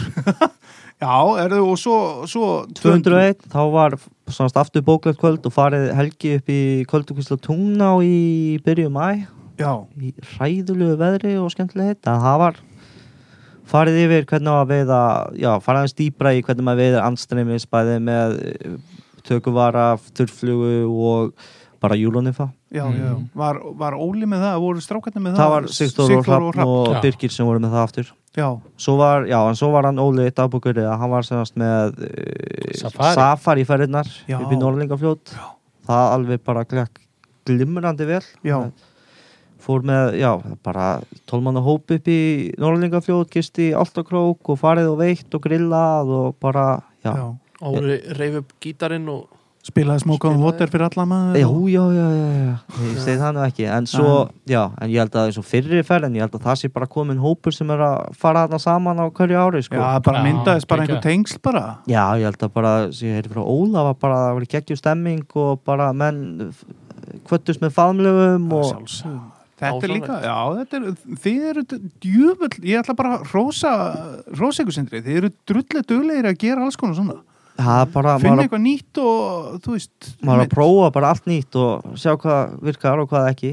Og líka bara núna, þú veist, með öllu þessu, hérna, þessu anstreymi sveiði, þessu púpudóti, sílunga, grettunni í öllum, það er allir orðin graðir í þetta, svo sjá menn að þetta er nú kannski aðeins auðveldara en, en, en þetta lítur út fyrir að vera eða eitthvað og þið bara gerið alla graðari og, og, og hérna, með fullt af einhverjum svona sniðu, þetta er, Þetta er náttúrulega, þú veist, við erum veiðilegsalar það snýst Já. allt um að búa til fleiri viðskiptavinni, ef fólk veiði vel þá kaupa það fleiri veiðilefi, Mhm. það er bara já, já. þannig að maður þarf að þjónusta öllum sem best og Já, já, en ég held að bara margir aðrir veðlega og sálega mega bara taka eitthvað til fyrirmyndar, þeir eru drullu duglegir. mm. ha, Nei, hvað áttu við? Já, já. takk fyrir það Já, hann bara- Algjörlega Já. En hann hvernig fór þetta með hann Grand Slam ferðina með Elias Pétur hún var blásin af og hann blásin af Já, Já, ok Býtu, hvað var það? Grand, já. það, það var til dæmis að sem ég segi, var að prófa allt það Já. var bara, það var ekki nægur áhugi á þeirri ferð Já, ég skil Hvað- Það hvað- er satt hvað var mjög það? áhugavert konsept hann að veiða í, hvað er það ekki, það var Ósinn Villingavatn E- Efri brú Kaldurhöði og Sóið Já. já, ég, Já. ég sko, ég var ég var svo, ég var svo nálætt í aftur og aftur og aftur að taka þetta sko, Mhm. en svo bara úst, sumarið einhvern veginn og gekk ekki upp sko, Já, Já. en þetta var mjög skemmtileg hugmynd sko, en eins og segir, úst, bara sumt virkar og sumt ekki sko. Svo veit Já, maður aldrei geti það bara verið slæm tímasetning Já, og já. þú veist, hitta á eitthvað eitthvað Já. gólmóti eða eitthvað sem maður er ekki hugmyndar í Já, gangi Fó- fó- eða hestamóti fótboltamót eða einmitt, eitthvað. Já, Já. þú veist, hjá einhverjum krökkum og engin fóreldrar komist eða úrlingar eða eitthvað. Já, svo var, já, svo vorum við reyndar aðra ferð þannig að pungsakan, hún var heldur ekki farin Ó, það var ekki nægur Já. áhuga á henni það er Nei. Það er skemmtilegt, sko. Það var ég búinn að skrá mig það var mjög áhugaverð ferð sko. Já, ég meina eins og ég segi, við viljum þjónust alla veðimenn, Já. hvort sem þið vilja fara upp í kvíslaveitur og veiða og makríl eða hvort þið vilja veiða sjóbyrning á Suðurlandinu Já, þú ert ekki að grínast Nei, við vorum með ferð Það var, Hvað? Þú varst þú ekki búin að skrá þig? Nei, ég, ég ætti að vera eitthvað að grínast Bungsakan, já, ok Ég, Yes. Ég, ég mista þessu bara. Sorry. Grínumst ekki með svona málefni, Hafstein Það var svona blandað agnirferð. Upp í kvíslaveitu með grilli og ég held að það verið makríl innifælin í verðinu og. En það er greinilegt að markasópurinn okkar er ekki í þessu. Þið glemdu sennilega að auðlýsa í bændablaðin Gæti verið. Eða ég stangaði félagi keflaði ykkur Já, Þögn á hópin. En ég var, ég var til að sjá bara svona hvernig á að veið í netferð. Við Í net? blöytu fara upp í blöytulón Blöytulón Það var öðvöld, hendur þessu úti í bara. Nú Já, Heldur að það sé það einfalt? Það er svona sirka, sko, bara finnur rétt að staðin Síðan leys úr netinu og gera Það er aflanum ekkert og... mál maður. Ok, það verður þá Hvernig á veið í net? Með haffa? Haffi tekur inn að ferðin á næsta sumar. Það er minnstamál Þrýr á stöng, þrýr á net. Neti. Það hérna netstupur fylgir með skráningagjaldinu Já, og fáðu hérna eitt net og... En nei, ég hef oft lagt netmaður í vötn og alveg, það er minnstamál, sko. Já, já En reyndar í vötn sem að má leggja net, það sem að ég hef haft afganga því, sko. Þannig að Eins og hvaða völd uh, það eru vötn sem að ég vil nú vel ekki segja frá. Ég get sagt þér bara frá því eftir. Já, ég má sko gera það en ég vil ekki segja hvaða völd Já, þetta er. þetta er sett vötn og Ólafstráttur í Þingvallavatni. Já, þetta er já. ólastráttur þarna þingvallavatn og hérna bara partur af því sem ég má leggja Nei, þetta er hérna uh, í Suðusveit Það eru vatnar á leiðin upp á Jökul sem að við vorum með leiði að leggja net í Já, Ok. Offsetin bleikjúðan Uh, já, þetta er alltaf mikið. Við vorum eiginlega bara að gresja, ég og pappi. Hann var miklu meiri í þessu ég fór mikið með honum og hérna lögðum netan á mörgum stöðum og hann kendi mér, gammalt sjómaður og kendi mér svona nokkur neginn hver var oft best að setja niður net og annað. Þannig að ég, þið, ég kem ekki að tómi kóðanum þarna. Bítu, bítu, bítu, bítu Ég held að net væru bara með hendur svo úti og býðu bara Já, þú ert bara að henda þessu úti á rétta stað og þetta finna einhverja staði og eitthvað en þú basically hendur þessu bara úti. Finnur staðin og hendur þessu úti. Þetta bara er eins og, bara eins og með flugveðina þú kasta bara flugun út í Setur það. þetta í þetta blöyta Já, ég- Svo kemur fiskurinn. Já, já akkurat, sko. Viltu hafa þetta gríktan botn, sandbotn við, við dýpi já, það er bara, ég veit ekki hvernig botnin er það er maður að finna það út, sko, bara hendur sér eitthvað hinga og hangan, lesa, fiskurinn su- su- sullast í þetta allt saman. Ok, förum betur út, út í þetta senna Já, en herðu, við kannski dettum inn í hérna ás Leirá. Leirá Nei, herðu, við kannski dettum inn í hérna á sem að er búið að reynast ykkur uh, mjög vel og hefur komið vel undan sumri og öllu. Tungufljót. Það er perla. Förum aðeins í gegnum tungufljóti þetta er alveg magnaður staður. Já, já, það Þetta er náttúrulega bara Viltu- gullfalli á. Já, já, og já, svo bara stærðin á sjóbyrtingum sem er að koma að upp úr Jesus kóðafljótunni er rosaleg. og og fer bara stækandi getur þú verið sammálað mér um það að hann er stærri enn í fyrra? Meðal, jú, jú í samkvæmt veiðubókinni er meðalstærðin kannski stærri, en það er erfitt að segja ár frá ári, þú veist, það er náttúrulega ekki allir fiskar að veiðast og maður veit ekki.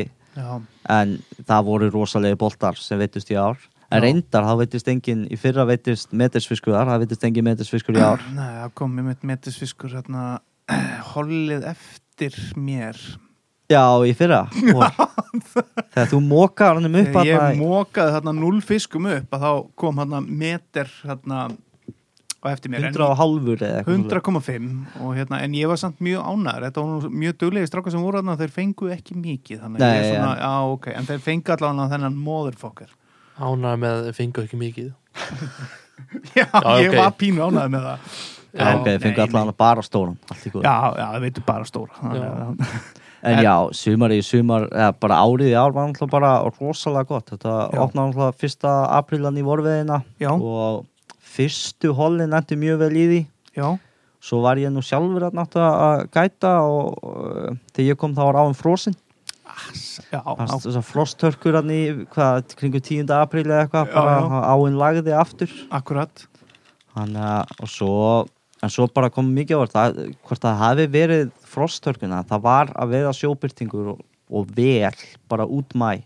Já, það aldrei mikið. Ég var þetta ekki eiginlega bara svona, eiginlega bara, ef við hugsaum að þessum þetta svæði þarna, þarna vestu skaftaðisíslu, var þetta ekki bara aldrei mikið? Það kom þetta skot, eða skilur það var allt brjálað í apríl, svo kom bara þessi harka og það dattaðins niður og svo var bara allt brjálað alveg nánast út mæ, allstaðar á þessu svæði. Já, ég minna það voru fiskar ennþá að veiðast upp í hlýðavaði í miðjum mæ, Já, sem er upp í miðri áni, sko, þú veist, það er alltaf eitthvað að, þú veist, geldfiski og sjóbyrting í sk- skilunum og niður í kúðafljóti, en Já, þú já. veist, bara út mæ, þá voru að veiðast fiskar frá hlýðavaði og bara lengst á hrífunes í Já. að kúðafljóti var rosalega tært langt fram já. undir vori Já, og það er alltaf þetta veiða það vel við því svæði í tungufljóti er í rauninni alveg að hrífunesi hún getur alltaf bara veitt þar ef það er tært í kúðafljótinu akkurat.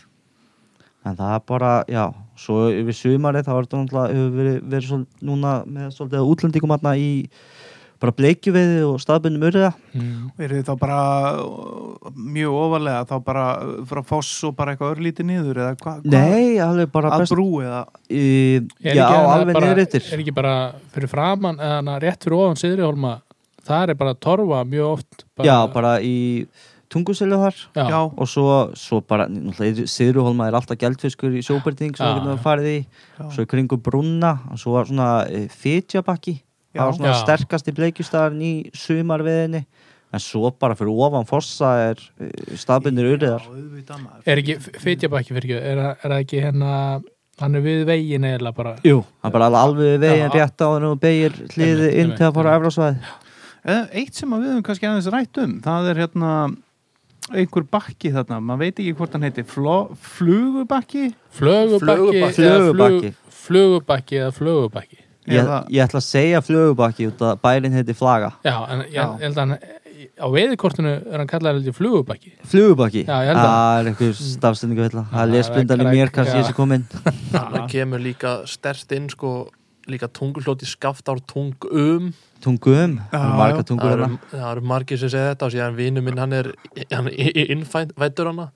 Og ég sendi hann mig út í mann þetta og hann var alveg brjálaður það er skaftár tung um Já, nei, það er skaft á tungum. Heiðu. já eiginlega.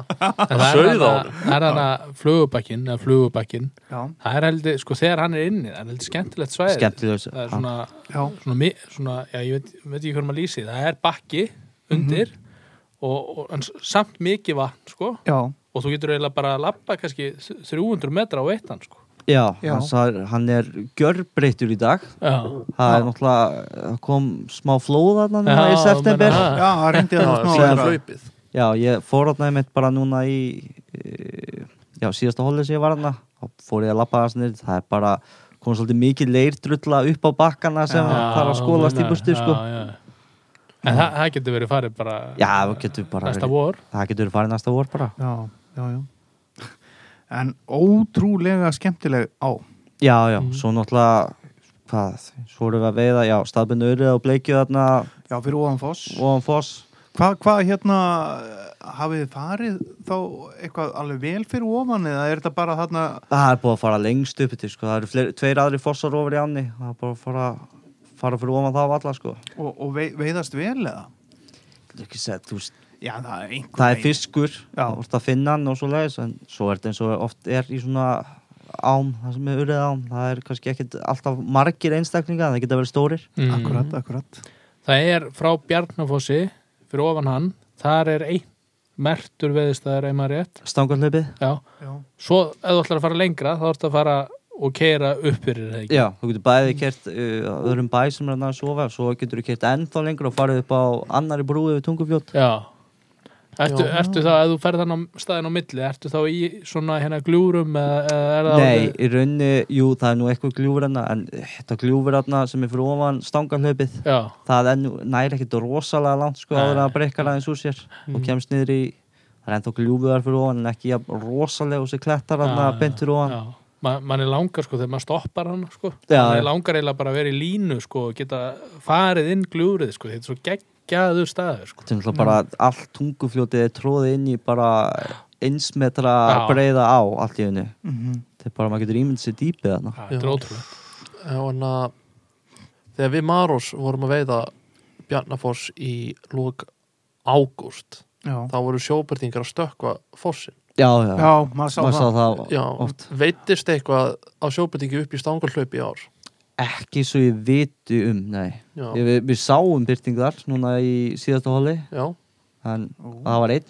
En Einn? þú veist, það var ekkert, við kostuðum ekki ástangarhlaupið. Maður maður var að fara yfir Bjarnafoss og kíkta aðeins á breiðina hann fyrir ofan. En, já, en þetta er, er ekkit, kannski ekkit mikið hrygningasvæðin hennar fyrir ofan hann er ekki að leita langt Nei, ég myndi, þú veist, ég held að þau séu að fara að nýtt og séu þau bara að fara á breiðina hann beint fyrir ofan. Þar eru já, góða hrygningaðastæður.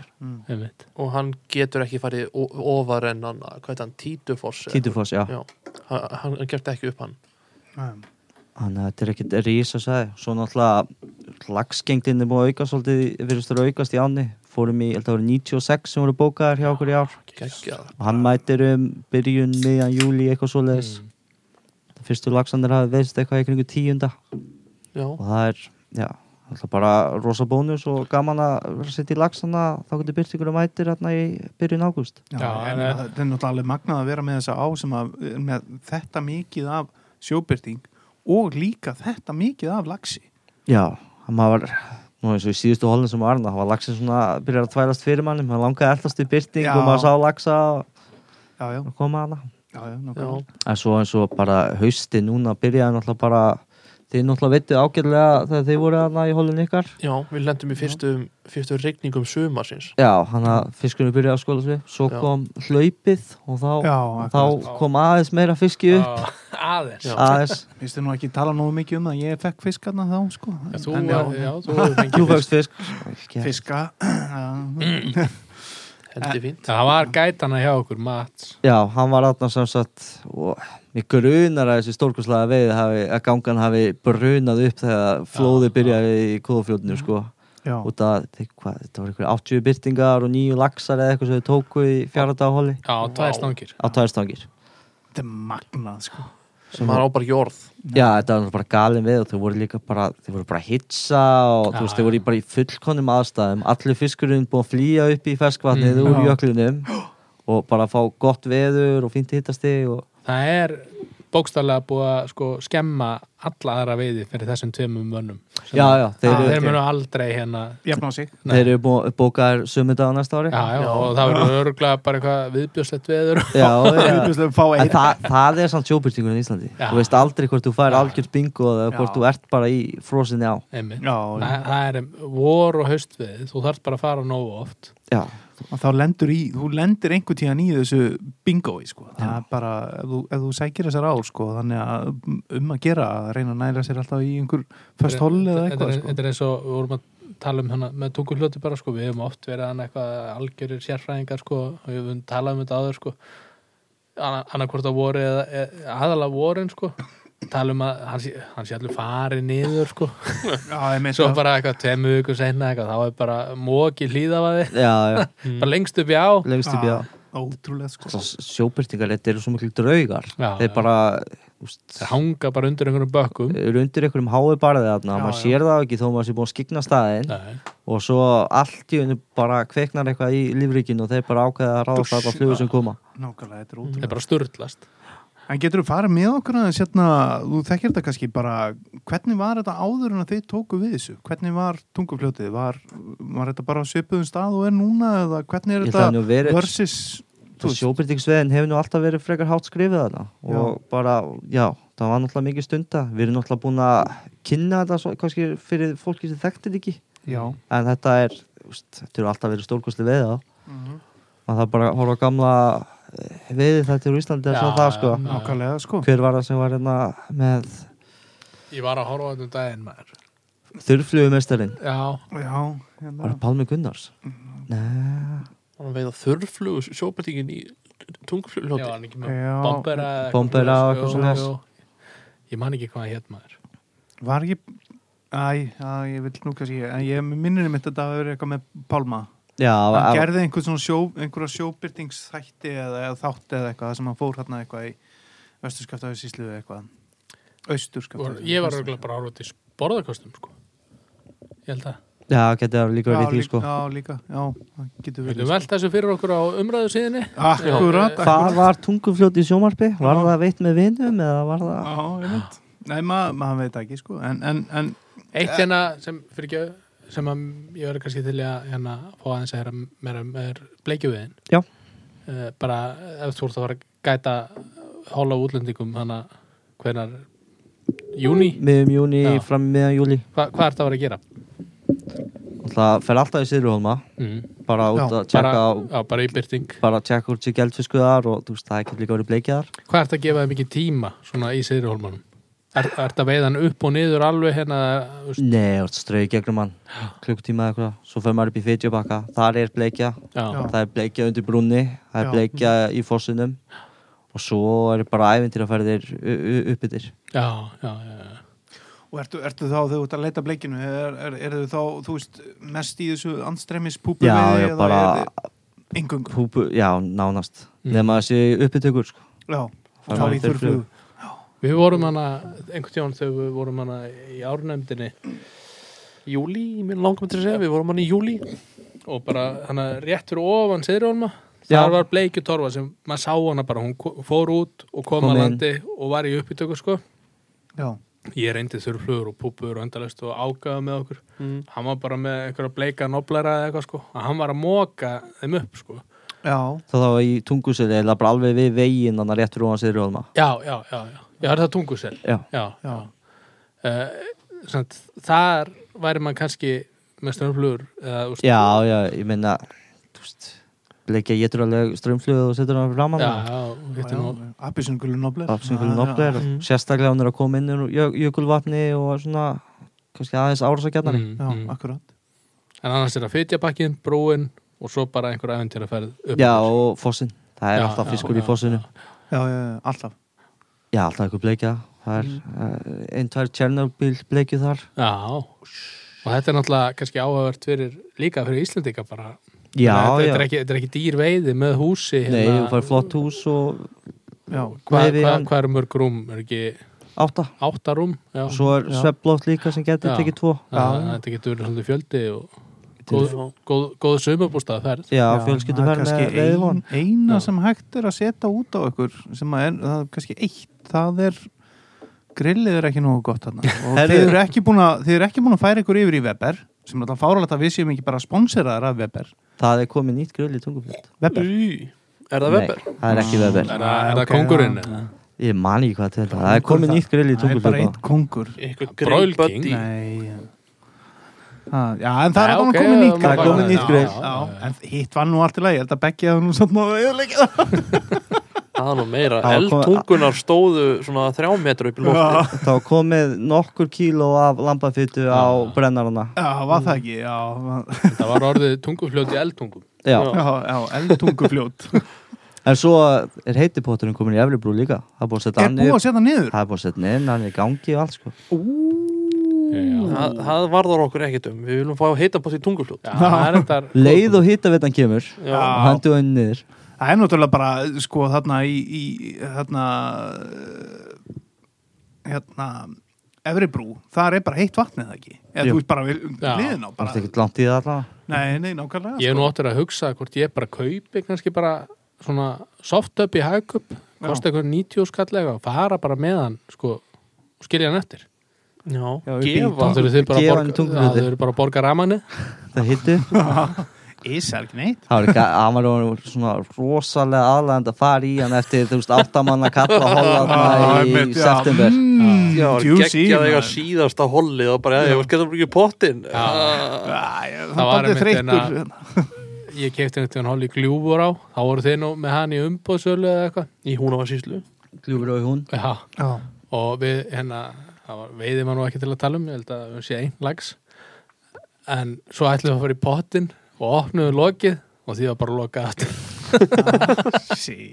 það var ekki gott stöf sko. Nei, ég get alveg trúa því sko. Það var nú ekki ykkur að kenna. Það var einhver annar með húsið sko. Já, ég man eftir þessu, ég man líka ég sendi þér hérna ég hafði heyrt í einhverjum hérna gaur sem hafði verið og það var ekki svona bilið sko. Og ég sendi á þig og þú sendir það á einhver sem var með húsið. Já, í vastalnum já og eh, bara hvað ok, það verið að redda þetta. Ég var að fara að koma til tvær vikur, svo kom ég til tvær vikur. Það var ekki svona þetta bilið Bilið aftur. Já, já, það var búið að laga. Það er búið að laga og bilið aftur. já, já. ótrúlegt. Ótrúlega Já, já, já. Já, já, einmitt, og líka hérna upp í Efribrú, þetta er ótrúlega snirtilegt og flott hjá okkur hérna þetta hús og, og hlaka mikið til að koma á einmitt, og því að sko, einmitt á góðvöru stöðum á sömrin og annað, að vera í pottinum á útsýnið útsinni yfir úljósvatnið úljóðsvatnið og allt annað, þetta er alveg guðdómlega fallegt, sko. Er hann hann á verundinni, hann bara, Hann er á verundinni bara- hotninu, hann, Já. já, Það sem tengi var komið síðast já, þú varst núna. alveg rétt, já.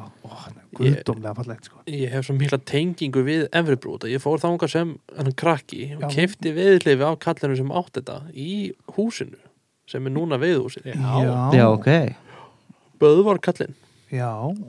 Í, fór hann með pappa og mókuðum síðan upp leikjuð hann á E- Efribrú já. Nokkuð. þú hefur kannski klárað bleikjuna þannig í eftir allt sig. mér að kenna hafið þið eitthvað skýringar á því? Hvað hva bleikjan er að gera í úlötsvarni Nei, ég bara hún er bara í miðju vatninu einhverstaðar. bara, ég, ég get ekki farið með það. Ég talaði við bónda hana í fyrra sumar sko, Mm. sem var mjög slagt í öllu úljósvatni já, Mm. hann sagðist það að vera að fá í netalagnir sínar en allt í dýpri endanum á já. Það, Er það, verður, það verður náttúrulega mjög djúpt. Það verður náttúrulega mjög djúpt í en er það að hitna á mikið kannski veist, það ætti nú að halda það er nú að fá rensli úr þingvallavatni neðan frá í rauninni Já, já. einmitt. Það ætti að- Úlfarsvatni skítkallt það ætti að vera alveg nú kalt fyrir bleikjuna en það er við varum aftur döpur frekar í sumar sko. Já, en, en frábær hinum megin frábær þingvallamegin eins og kaldarhöðana skrítið, sko.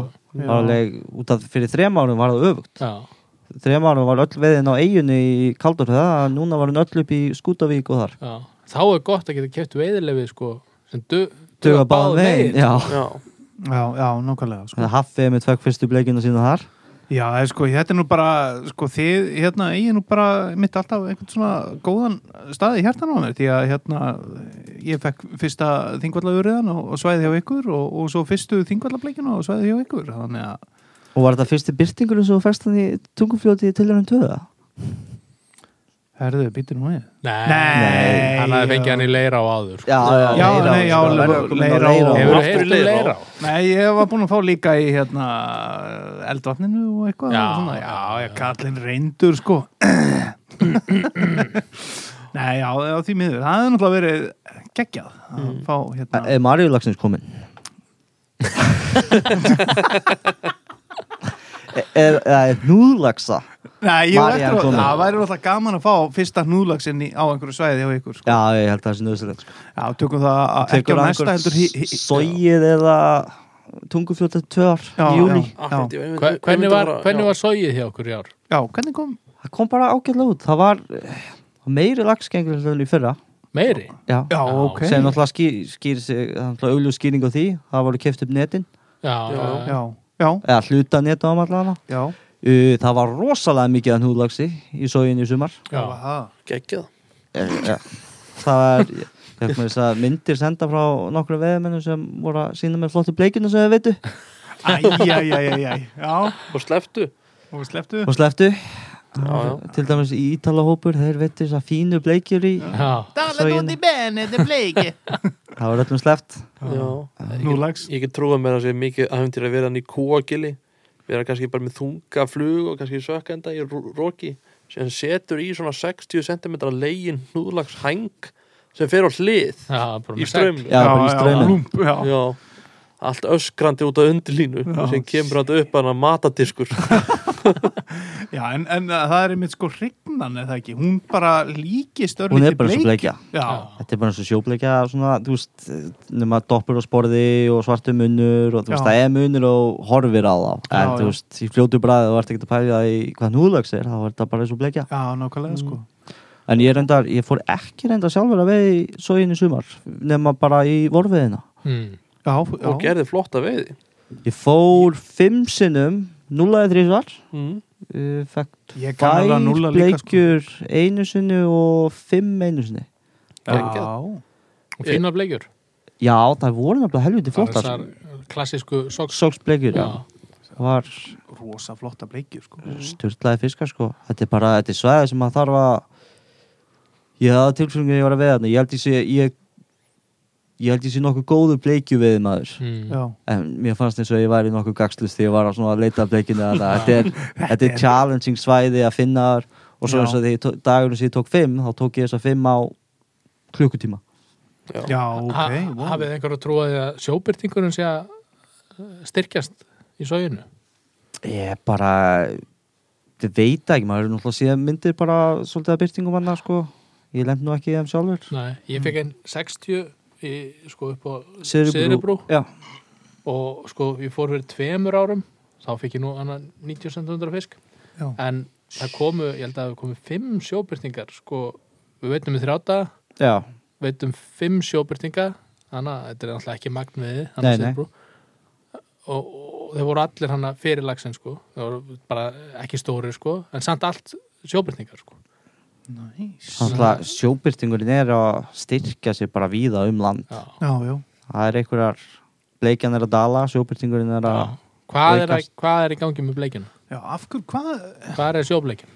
það er bara er ekki voru að feit fyrir hana gæti verið það? við erum að ringi Raka Danner líffræðingurinn þarf að koma Já. hann er Já. betra svarið sem ég en er þetta ekki Já. bara En hún er búin að vera er, er, er hún ekki búin að vera að dala sko pre-global warming eða? Já, það má fara, fara rauk fyrir því held ég. Já, öruglega sko. Er bleikjan ekki bara ég vil sé, urriðin er miklu svona, hvað segir maður? Ha- hann finnur sér í fleiri umhverjum heldur en bleikjan. Bleikjan Já. er það, það er reynt kalt vatn og Já. ekkert annað kemur til greina. Já.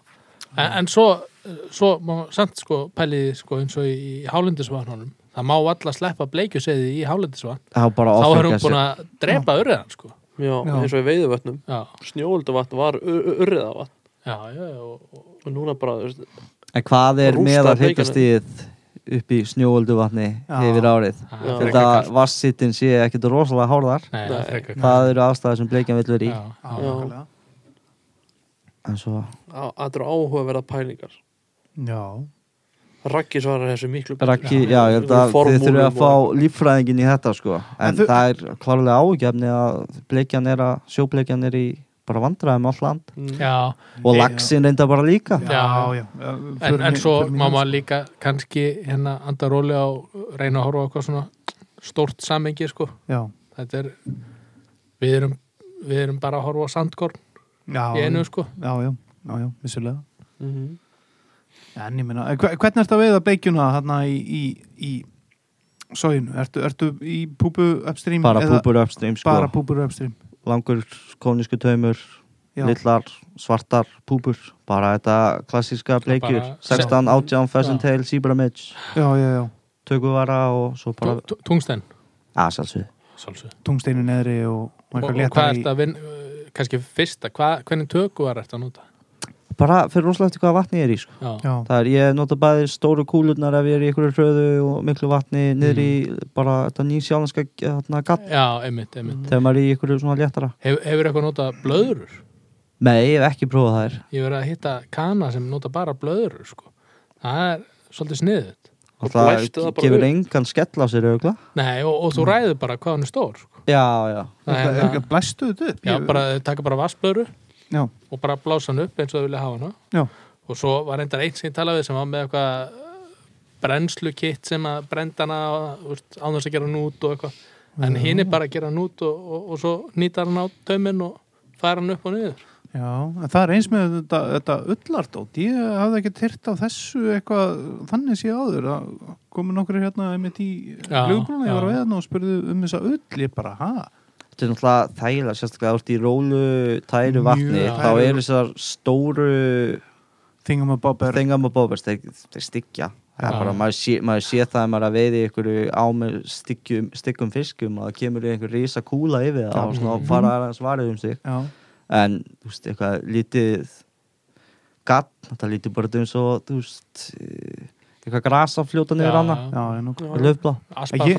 ég heyrði nefnilega í einu sem kom hérna þá var einhver að spyrja um, um, um, um þessa ullimi, hvort þú var með ullatökuvara og ég, nei, því miður ekki með það. Og þá var akkur einhver maður hérna inni sem sagði, ég, ég nota þetta mikið en ég týni þetta bara sjálfur. Bara ef maður er að veiða einhverstaðar og perða einhverja gyrðingu og sér ull af kind og bara er þetta niður það og bara bindur þetta saman og já, já. hann Já. sagðist bara að nota það sapnaði svo oft saman bara og, ég, ég kefti hérna svona kit New Zealand kit sko og þá er nú kannski fyrir eitthvað nýr sko.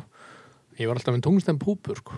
Okkur það það er ekki alveg hérna, talar ekki alveg saman sko. Nei, hann má kannski ekki vera með of þungar púpur á sig sko. En já kit eða þá sko. Ég mun örgulega að nota það einn ein daginn sko. Já, já, já.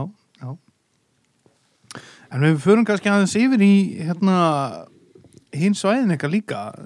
Bara, já, við erum alltaf búin að fara hérna í hvað, kannski villingavatnið, við förum í það og, og, og, og hérna bara hinn svæðin, hvað hérna hvað getur þú sagt okkur um svo bara villingavatnið, Hva- hvernig, hvernig kom það út í sumar með að við sumaruð undan og Alltaf maðurinn hérna á hægri höndjaðar, hans veitir þær meira í sumarheldinu ég held ég. Já, einmitt en það er bara, ég held að komið okkur þú veist, það er alltaf bara nokkuð svona jöfn, jöfn veiðar. Já, það spendi mér einn maður á það er bara komið byllandi dægurflugu klaktar. Já, Herri, tölum aðeins um það. Hvað, hérna, eru við að sjá mayflies bara á Íslandi núna? Eða dægur flugu? allavega í villingavatni. Villingavatni og varmá. Já. það er byllandi klaki allt sumar. Mm. það er alveg þess verðið fyrir þá sem er að gera flugur að hérna, hendi eitt hérna, með flybox það er allir villingavatn Já, næsta sumar sko. Eða varmá. Eða varmá. Já. það þeir voru, og þeir voru að taka þær helviti harkalega. Já, Það ekki, já, ég heyrði mitt af því, sko. og svo, svo hérna svo í skjótinu og þessinni sko, það koma moment í villingavanni þar sem fiskurinn er í störlaðri töku en það hefur engin hugmynd um hvað hann er að taka. Já, það er Það er er að taka bara beint upp stökin já, já, hann, hann, hann fer bara hérna 90 gráðu upp Já. allur upp úr og þetta eru kannski 80 cm fiskar fara beint upp í lofti svona cirka meter já, og maður, þú veist, eru þeir að bomba hotsíli sem er að koma yfir eru Já. þeir að taka einhverjar kattisa sem er að þú skjótast upp já, eða Já. hvaða er sem eru að taka sko. já, hann hérna ég og uh, umtalaður Ragnar Danner vorum að ræða með þetta daginn og við vorum að eða búin að finna út að hérna það, ka- það kallast wash-lining hvað er stöðið það? Voslæning, Vos- svo þeir eru að taka lokkveðina í Já, ertu, Skotlandi þá ertu með Já, svo ertu með púbu svo ertu annarkvort með aðra sko fljótandi Já. eða aðra púbu Já. og við vorum að tala um eða þú ert með sko fljótandi flugu Mm. lengst frá þér já, svo púbu á milli og svo aðra fljótandi flugu þá nærðu að láta hann að sökva og svo kippur í og þá ætti púpan að skjótast næstu því sko beint, beint upp. upp í loftið já. já, og þá sko hugsanlega getur getur þú líkt eftir líkt þessu? eftir hérna já, einhverju svona, þetta eru, eru ekki sko hérna uh, dæguflugunar, það er synda sko. Já, það eru bara annað en, en það eru flugur sko hérna bara mittsflugur og eitthvað sem eru með gas, sko, búið til gas sleppa í, gaskúlu og Já. skjótast upp. Og skjótast upp sko, ég held að þetta sé eitthvað svoleiði sko, og Raggi já, ég og Raggi var eiginlega sammálum um það. Þetta er hann sko þetta er engin smá orka sem fer í fyrir 80 cm fisk að reynsa sem metur upp já, þetta Já. hlýtur að vera eitthvað stykki Þetta hlýtur að vera ykkur ágæti spil þess að maður hugsa að þetta væri þá annarkvort hotsíli sem þeir eru að negla Mm. en það er svo skrítið að væri það að þetta kemur alltaf bara í allt í hennu kemur þetta bara eins og þetta sé klak. Já, já, þannig að ólíklega að sé hotsíli þá er það frekar að sé eitthvað stór bit eins og Já. stór vor- vorfluga. Já, og það er náttúrulega vorflugunum með það að hún er með sko stig, ég held að það sé þriðja vakstastíði hjá hún eða eitthvað, þar sem hún er sko fullvaksin já, með vangi en ófleig Já, Já. þá, þá er hún bara hana þú veist, hún, hún kemst ekkert. Já, gerir, já, já, akkurat. Hún, bara, já, hún skauta bara. Já, Já, og ég hef líka séð í villingavatni mjög stóra bjöllur. Já, já, Haf, hafið þið séð þær? Svona brundklökur eitthvað Já, Já, ég sé svona svart, litla svartar. Já. En ekki eitthvað rosalega stóra ég séð mjög stórar. Það var allavega, ég var mikið í villingavatni svona 2014, 15 já, það var alveg mikið af stórum brunnklökkum bara mjög stórum. Já. brundklukkum brunnklökkum, já, Brundklökum já, já, já. Ekki brundklökum fá ekki smá svona Jú, Trommusóló? Jú, býtu Hvað?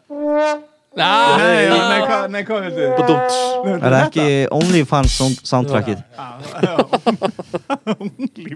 Er eitthvað soundtrack þar? eða? Ég veit ekki, það lítur að vera það ekki Það lítur að vera um að setja það einhvern veginn inn En hérna, já, sko fiskarnir í þessu vatni ekki nómið það, þeir eru bara það er einhver ótrúlegu kraftur í þeim þá lítur hún á þeim eitthvað bara next level kandi eitthvað, sko. Þetta eru bara eitthvað, þetta eru gullfiskar. Já, Já, einmitt, þetta er bara smjörur eða sko. Smjörur eða döða, sko. Þetta taka litin frá umhverfinu sínu þess vegna verða þeir svakalega flottir. Já, Þannig farið það í svona, þegar þeir eru í svona leirbotna vötnum, þá eru þau náttúrulega bara leirbotna á Mm. litin. Já, já, maður kannast mynd við að sko það er svona næstu í pirrandi sko við þingvallauræðan eins og karastöðum sko, hann er eiginlega alltaf silfræður já, að útlendingarnir halda alltaf þetta sé sko sjókingi fiskur. Já, já, já. Það er hérna En, en get, get, getur það líka verið er nú einhverju sem hafa nefnt að, að þetta séu svona að einhverju leiti upphaflega náttúrulega sjóbyrtingar Já, Já, já, þingvallaurin, já, Já. já, fyrir tíðust árum, já. nýðust árum eða eitthvað var þetta sjóbyrtingur Já, já, en, en þetta er bara örinni í þingvallandi tekur líka litsin frá umhverfinu já, já, sem, er bara kristaltært vatn og, HD bara er þetta eins og sjóbyrtingar þetta Þeir eru bara í risa opnu vatni. Þeir eru í sjó, eru í sjó. Já, bara basically. Já, basically já, og svo ganga þeir í, í, í átna þegar regna á haustin Mm. alveg eins og sjóbyrtingurinn Mhm. þá taka þeir oft lit eins og sést í, á urriðadansunum sem á síðustu helgi þegar já, var að glíma við eitthvað sko tveggja metra urriða eða eitthvað Tveggja metrar. En já, þá eru náttúrulega orðnir graðir og eitthvað að breyta örlítu um lit svona Já. frá sig, sko. En sko, þið eru náttúrulega fyrstpartner, Sindri, þið eru náttúrulega viljið alltaf betrum bæta og gera betur og bæta við ykkur. Eru það að fara að bæta einhverju við ykkur núna? Annarkvort í, náttúrulega þið, þú búin að segja okkur frá einhverjum vötnum, einhver ársvæði? Eru þið að finna eitthvað? Eru það að skáta? Er eitthvað að skeið? Það er eitthvað að skilja Það það verður, kemur í ljós fljótlega Ú, spennandi. spennandi. Já, ok, ok.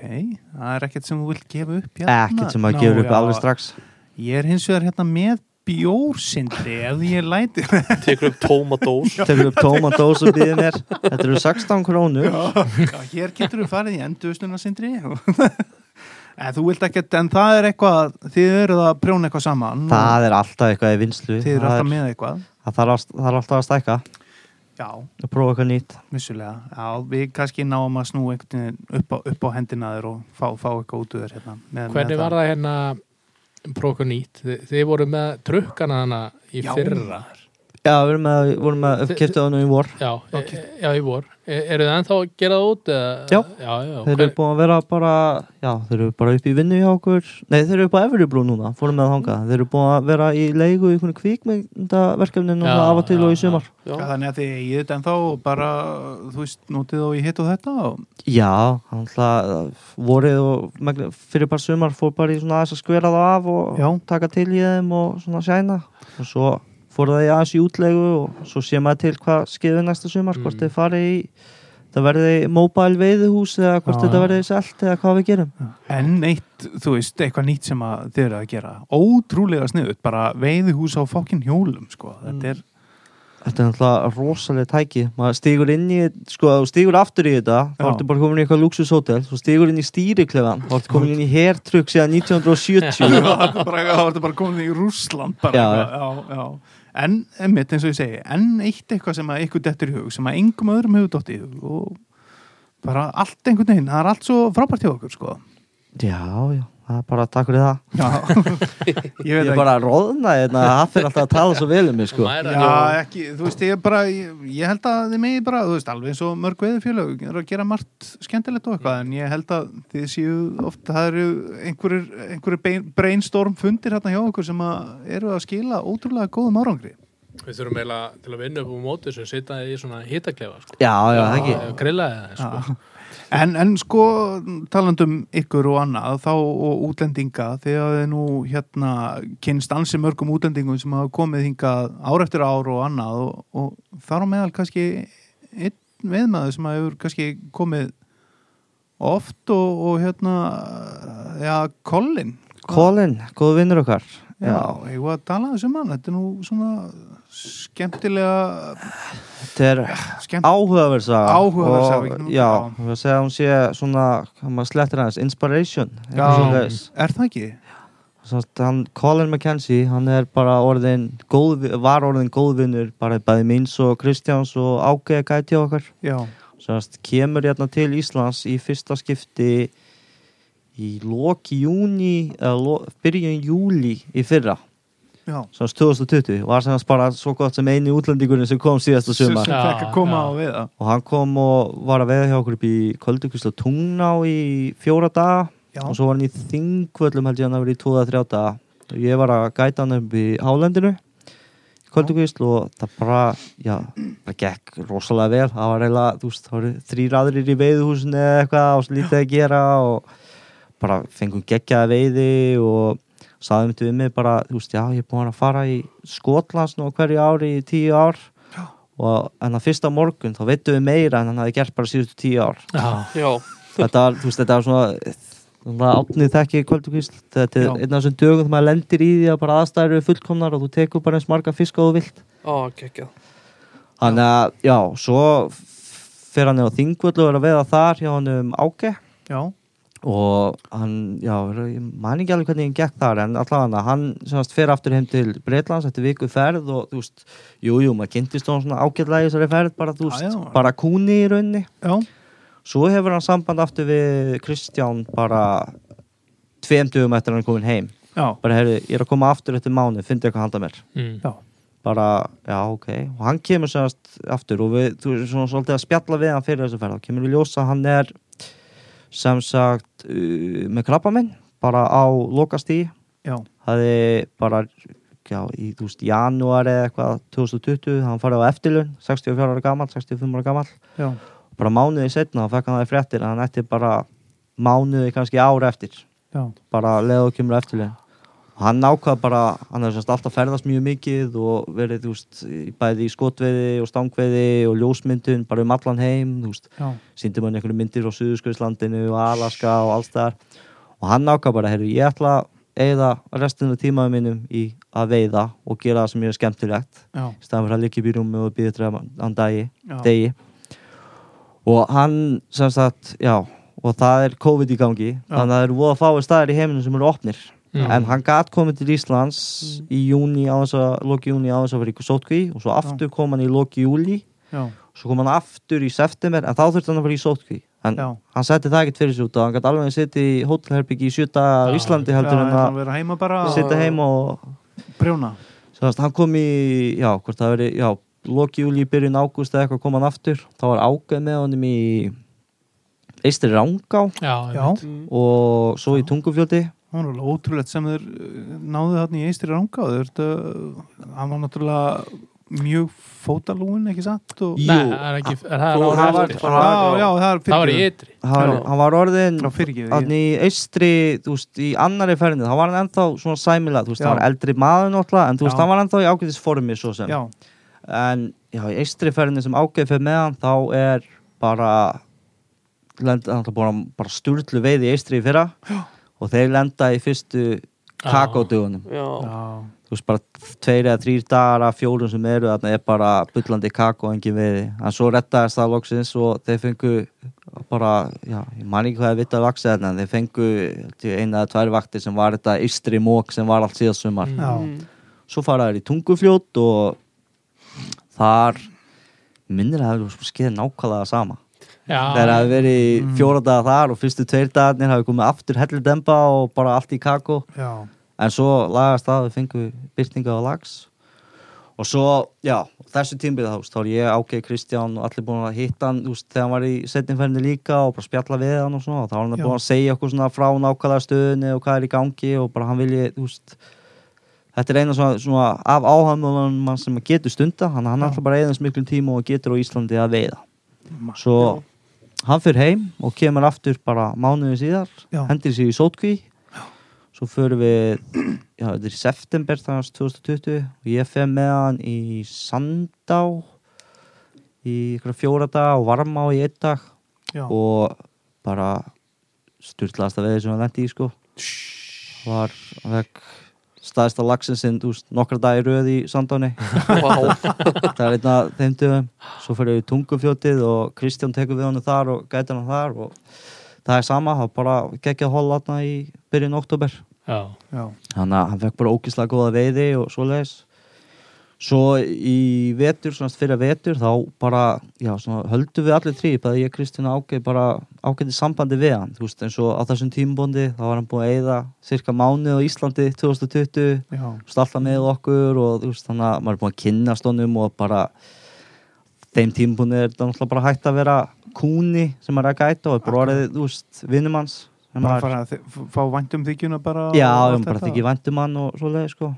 Og svo, já hann að heldur góðan sambandi og hann bara, já, ég ætla að koma meira til Íslands næsta sumar. En samt voru læknarnir búin að segja hann um að hann myndi ekkert lifa fram næsta sumar. Nei.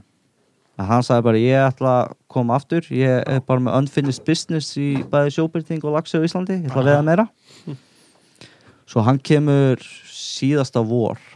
Kemur hann í byrjun apríl og þarf að fara í sótkví fyrst. Svo kemur hann í sótkvinni og þá er hann bara hann dónýtur hann getur ekki staðið, hann getur ekki setið hann getur ekki leið, hann getur leið á maganu sínum.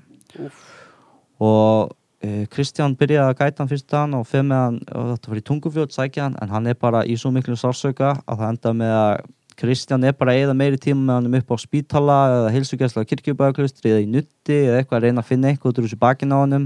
Bara eitthvað rosa sterk verkjalið og er bara, já, mjög illa haldinn þá var bara, við vissum hann þetta ekki þá hann held hann að það fengi eitthvað rosa slæmt pak í bakið en á Mm. þessum tíma þá kom í ljósa krabbamenni þegar hann fór áttur heim þá kom í ljósa krabbamenni var komið inn í mænuna hjá honum já, sæll.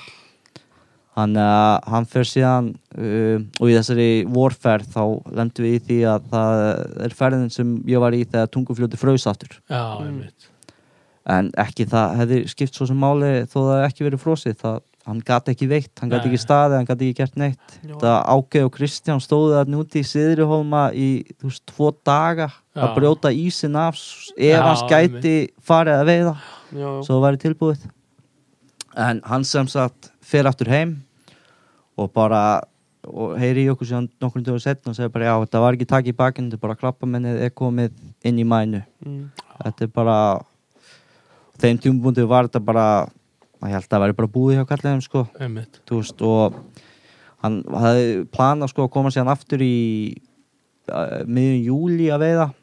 En uh, svo þegar byrjun júli og kom þá var hann bara lagsturinn á spítala og var illa haldinn og það ringdi í okkur og bara sagt ég get ekki komið, ég er bara læknir hefur bara með liggjandi hérna og ég held ég að ég lítið eftir.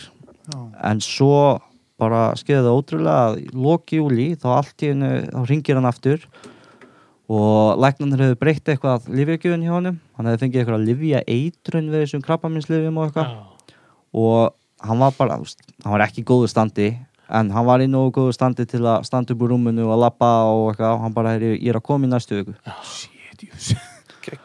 Þannig að hann kemur til landsins í byrjun ágúst og byrjum á því að ég og hann fyrir um på Hálendi aftur í Köldugusla tungná og þú veist munurinn á veiði þrekinu hjá honum á þessu ári sem að þekkt hann frá því að maður var með hann fyrstu på Hálendi og svo setna skiptið.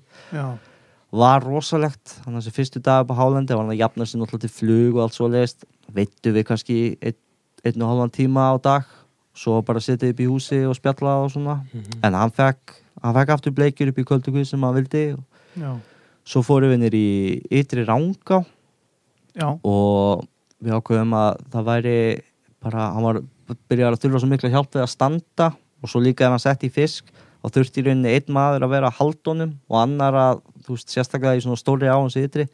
Þannig að vorum alltaf tveir með hann þar. Þannig að einn gætt verið á hápnum og einn gætt verið að halda honum uppi. Já, þannig að ég og Ágæð vorum með hann á fyrstu vaktin í ytri og svo var Ágæð og Kristján með hann í ytri og hann vitti bara vel. Já, hann var Já. bara með náðu sér í, í garstólhandunum og Já.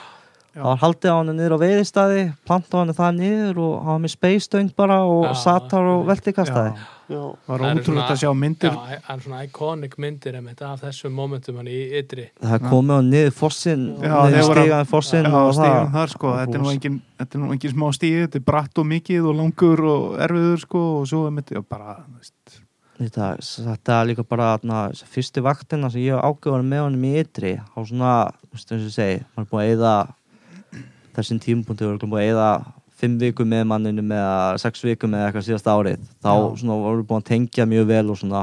Mm og ég, hann og Ágæð sátum hann á bakkanum og hann byrjaði að segja okkur sko söguna um hvernig læknarnir hafa gert mistök í meðferðinans sem hefur bara stitt lífans já, og við sátum bara þrýratna saman á bökkum ytri rangár hágrátandi já, það er, Þannig að, já, þetta tók, þetta var rosalega gefandi, en svo þetta tók rosalega á. já, Já. já, þetta er ekkit, Svo, en svo kláru, kláru strákarnar hann í ytri og við, og Jón Þór hjá Regnasa hefði fundið fyrir hann stöng í lagsáðu dölum, einhverja forfallastöng. Þannig að ákveð fyrir með hann tekur hann fyrstu tvær vaktirna þar, svo fer ég og hitti það og tek við honum Mm. og hann átti að vera í fjóra dag í Laxáðu dölum og ég bara byrjaði eh, ef einhverjum sem voru með okkur í þessu holli í Laxáðu dölum er að hlusta þá eru þetta bara gull af fólki. Já, það, já, það voru hérna eh, hvað, fjóra aðra stangir eh, þrjára aðra stangir hann á svæðinu en einhverju sjöðari veðmenn sem voru deila stöngsast Já. og bara e, það voru náttúrulega, þú veist, það var lítið vatnana sko, mikið af fiski, lítið vatn þannig að fiskurinn var mjög takmörkuðum svæðum. Já, og þeir bara gáðu manninum bara heitustu svæðin alla dagana bara já, Alltaf. farið hérna út að þú veist, hann, þessum tímbuti gata hann ekki lappa neitt sko. Já, og eitt besti staðar eins og kristnipollur það er að keira alveg upp á hannum og það voru 150 laxar í hilnum já, og bara hvern einasta dag þá bara sögðu henni bara, herri, þið bara eigi kristnipoll í dag. Já, já, vá, þannig að já, bara hrósa þeim sem voru í þessu holli fyrir bara rosalega góð mennsku en Já. já, við erum samst að ný lagsaði dölum og erum að veiða og svo annar morgunin, við áttum fjó, þrjárvaktir aftur, þá var hann rosalega slæmur og við sittum hann í kristnipolli og hann er í stólunum sinum að velti kasta tvíhendu og það lagsaði dölum kannski ekki á sem að myndi veið á tvíhendu en nei, ef þú ert í karstól og getur ekki staði þá bara gerir maður sem það þarf að gera. Akkurat, hann fær fisk, landar á hann við tökum fullt af myndir og eitthvað og tökum selfie með fiskinum og svo segir hann bara herri, þetta er búið. Ég er hættur. Þetta var síðasti fiskunum sem ég nokk sem að veða Vá. what the f þarna, og þarna voru þrjár vaktir eftir. Hann bara fann að hann gata ekki meira. Hann var búinn að því líkum að sál sko. Og svo að við fórum í veiðuhús hann, hann mátti ekki drekka bjór sko liðum við fengum okkur eitt bjór saman. Hann sagði bara fuck it, ég er að fara að drepa sko það er verst sem getur skil og svo fór hann bara inn í rúm og laði þessu og sagði bara, heyrðu, farð þú bara að veiða nú sendur minn, ég ætla að leggja með þess og svo voru næstu tveir dagar þangað til að síða með hann og svo Kristján með hann. Var eiginlega bara, þetta var ekki gætiri þetta var bara hjúgrun já, hann bara ástand, eftir að hann veitti hann að fisk þá bara hrasaði ástandin á hann Jesus það var bara, hausinn var að halda hann gangandi. Hann þurfti þetta sko. Það var bara, ég ætlaði að fá einn fiskina í einhverju gullfallari á og gullfallari stað. Og svo bara, það var bara sveik líka minn hans. Jesus maður.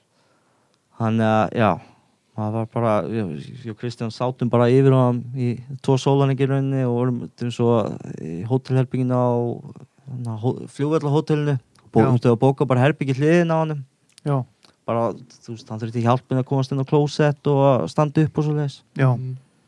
Þannig að, og svo var hann bara komið honum heim í flug og svo heyrðum við bara í, heyrði bróður hans í okkur það verið tíu dögum setna eitthvað, hann var farinn. Já.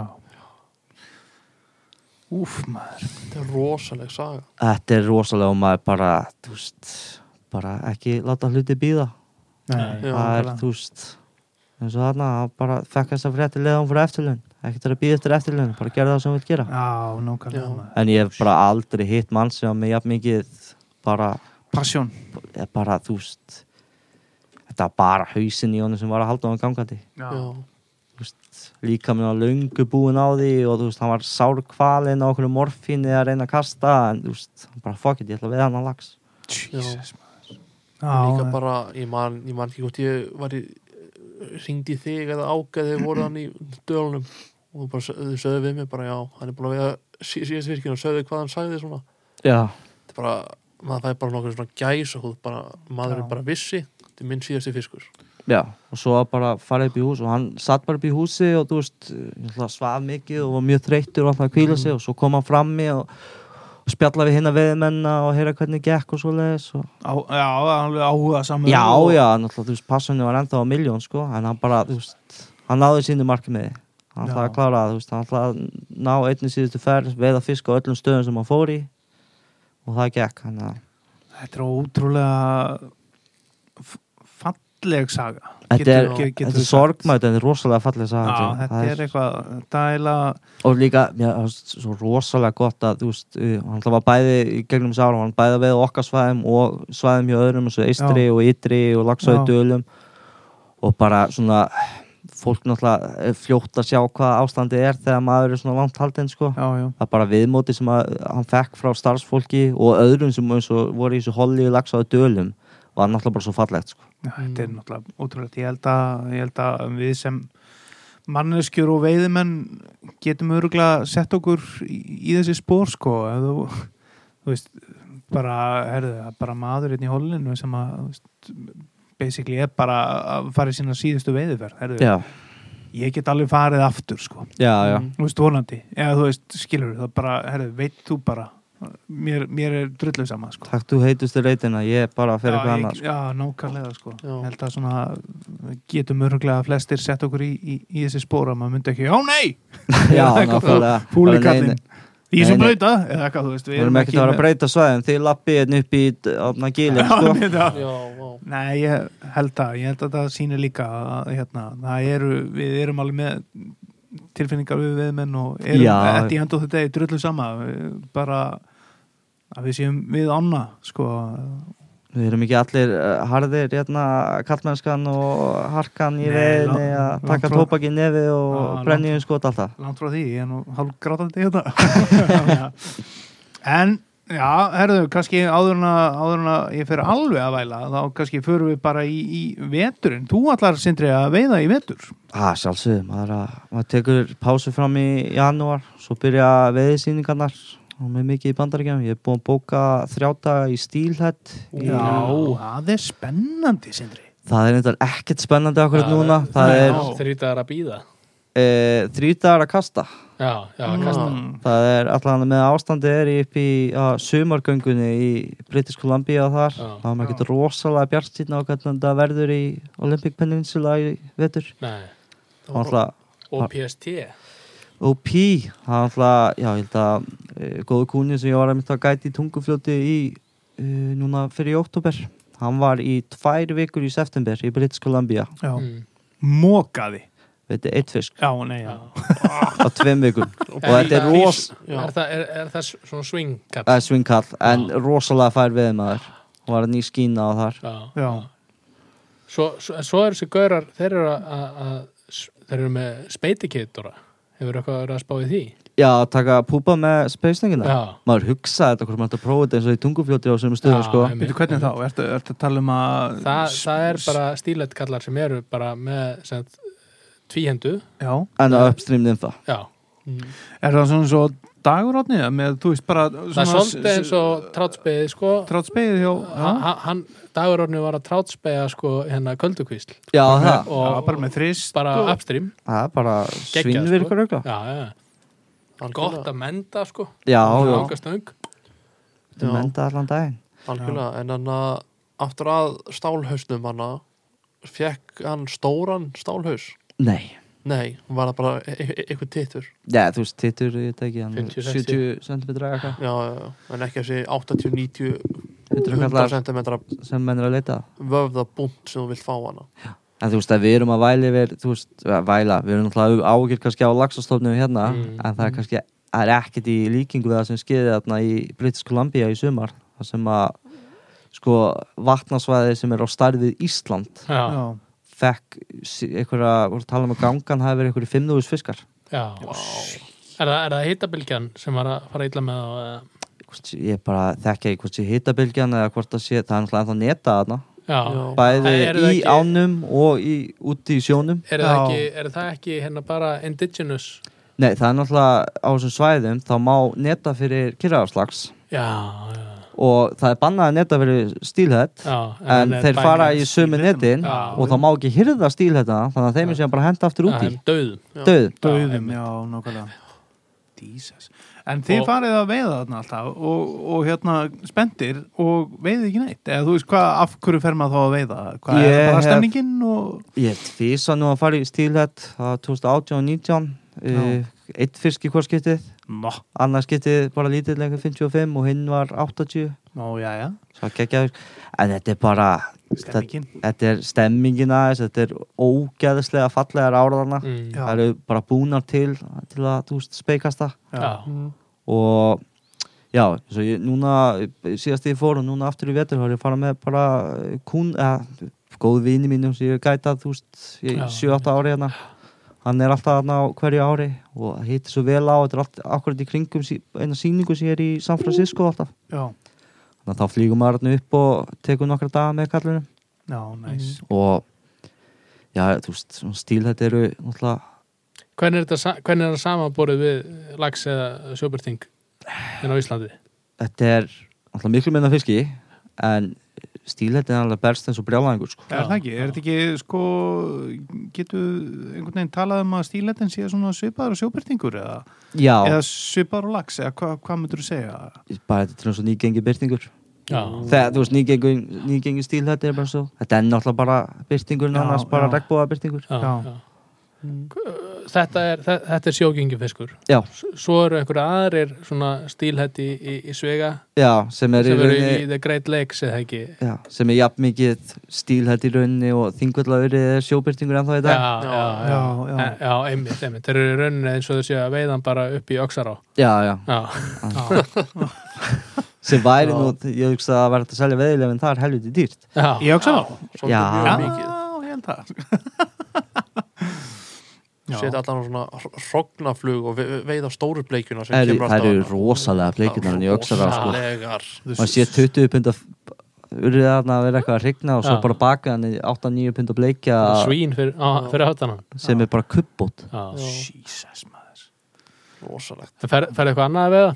Herru, við höfum farið, tökum alltaf sýningu í Denver. Þá Mhm. við tekið svona einhverja bara síðungsveði daga þar í kring. Já, byrðu Það- Denver, er það í Colorado Já, Colorado. Colorado. Já, já. það er, Hafið eitthvað komist í eða? já, Já. fyrir köttrót þar það er ekkert rosalega stóra þetta er, þessi Denver veiði er meira maður er þannig í janúar, februar eitthvað Já. og maður alveg bara kýtlar í að komast út og Já. fer þá að veiða einhverja 40-50 cm á, Sebramid sem er 20 já, já, í, fyrir neðan einhverja stíplu já. Svo, svo var hérna einhver, ég held að það verið dagur sem hann segði mig að þú getur farið og veit hérna sjógengin cutthroat Já, ég veit sjókingi köttrótt Aha. Það er bara í þessum sömu ám og stílhettin er. Já, Mm. En eh, þú vilt helst ekki veiða þér áglæðina sem þú ert að nota í stílhettin nei, nei. Út að þú veist, þetta er flest 1, 1,5, 2 pund já, hann er ekki stærri en það.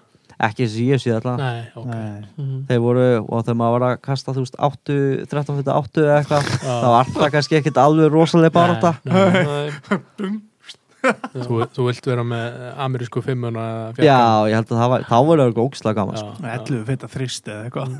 En í köttrótt náttúrulega fórum við líka nefnir nokkrum árum í Pyramid Lake já, já, það er geggjað staður að veiða á stiga Það, það, var- Við, það, við veitum þetta ekki á stiga, við vorum í bara á einhverjum klettum við bakkan sko. og voruð hátt bara með og- tö- tökuðara og, Það bara og, tökuvari og látið liggja í og rauninni sko. mitt nummer 20, látið liggja já, já, já maður hefur séð á líka með hérna svona balanced leads eða hlutis Já, þá er það með í rauninni sko strömmflögu sem er kjur Já. og svo kannski eh, púpu fyrir neðan. Einhverja litla púpu þar fyrir neðan. Já, En er, eru þið þá einhvern veginn að taka strömmfluguna eða? já, já. Já, já.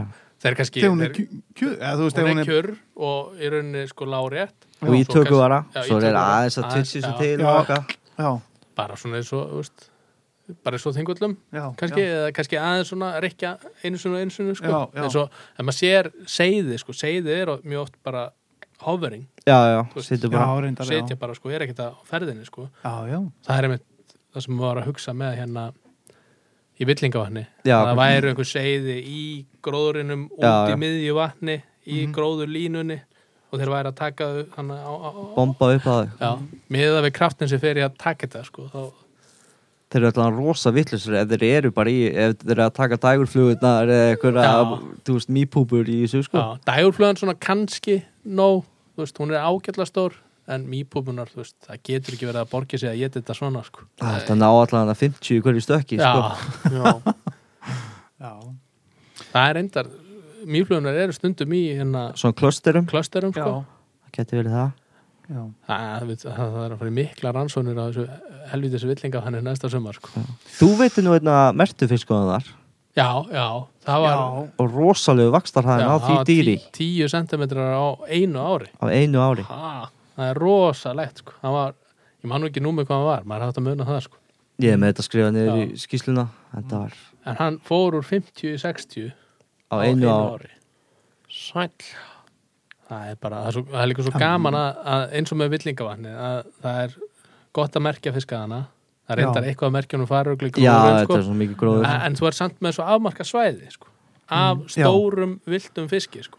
já, já að, að eins og þetta geta veitt á árið eftir og sér bara, bara, já, heyrðu, þeir stækkum 10 cm. Já. Þessi fiskur klárlega getur ekki að hafa ringt í fyrra. Það lítur að vera Nei. gældfiskur. Já, það stæðisti það var eitt sem var mertur 67 og veitir síðan 7 mánuðum setna já. bara í vor, þá var hann hvað, held ég, það var 71 Hva, hvað með hérna stóra djöfulinn hérna 90, og- hvað var hann?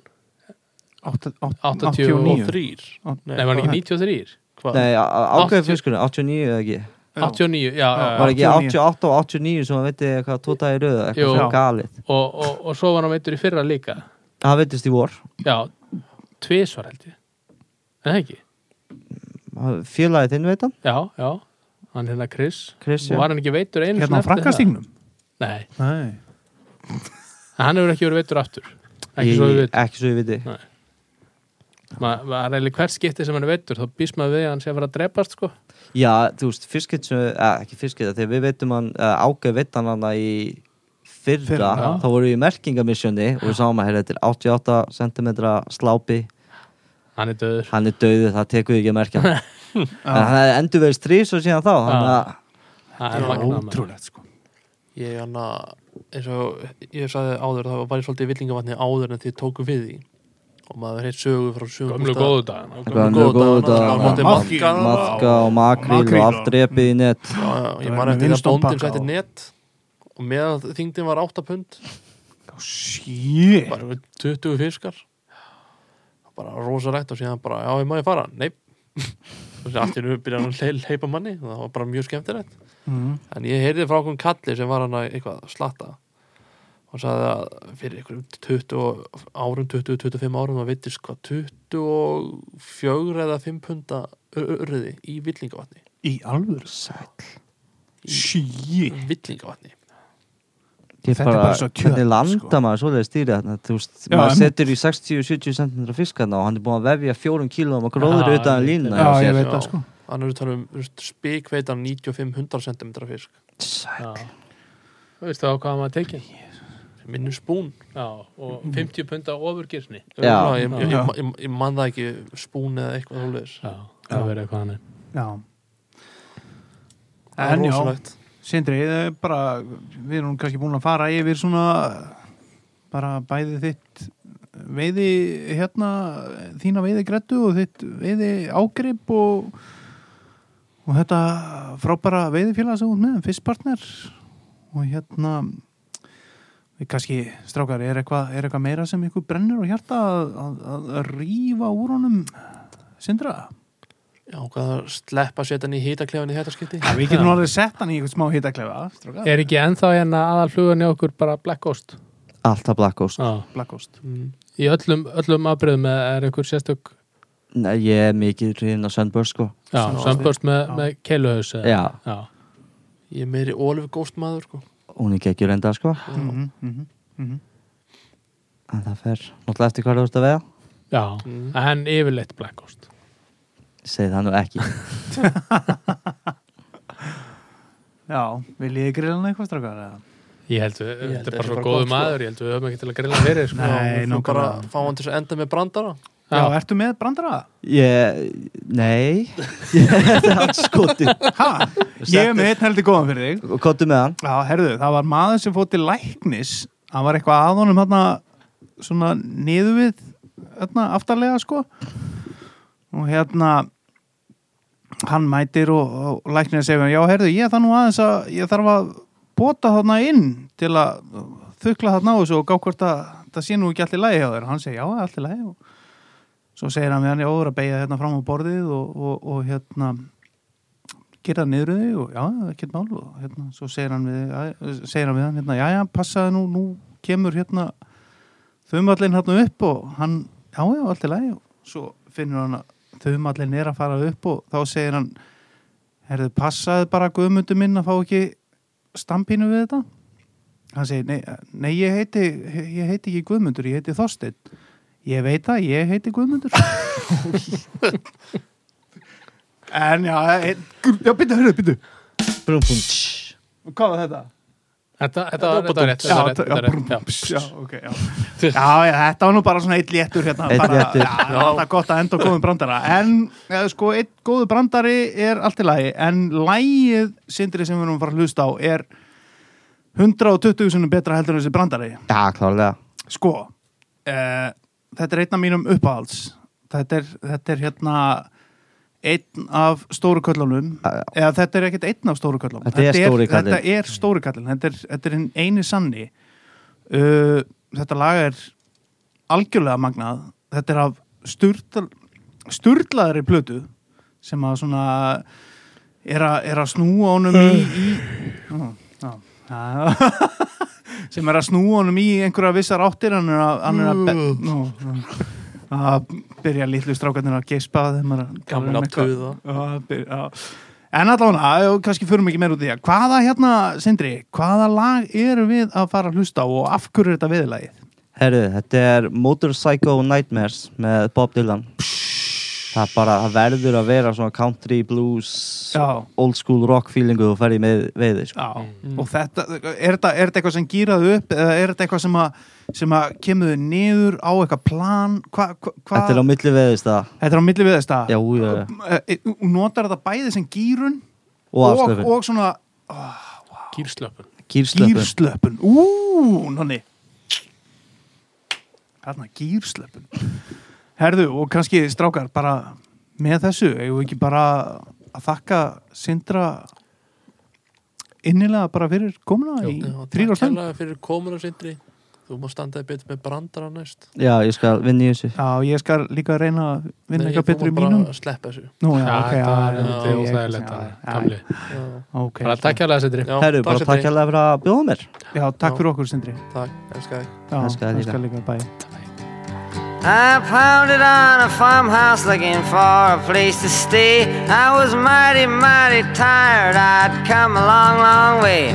I said, Hey, hey, in there, is there anybody home? I was standing on the steps, feeling most alone. When out comes a farmer, he must have thought that I was nuts. He immediately looked at me and stuck a gun into my guts. I fell down to my bended knees, saying, I dig farmers, don't shoot me, please. He cocked his rifle and began to shout, Are you that traveling salesman that I have heard about?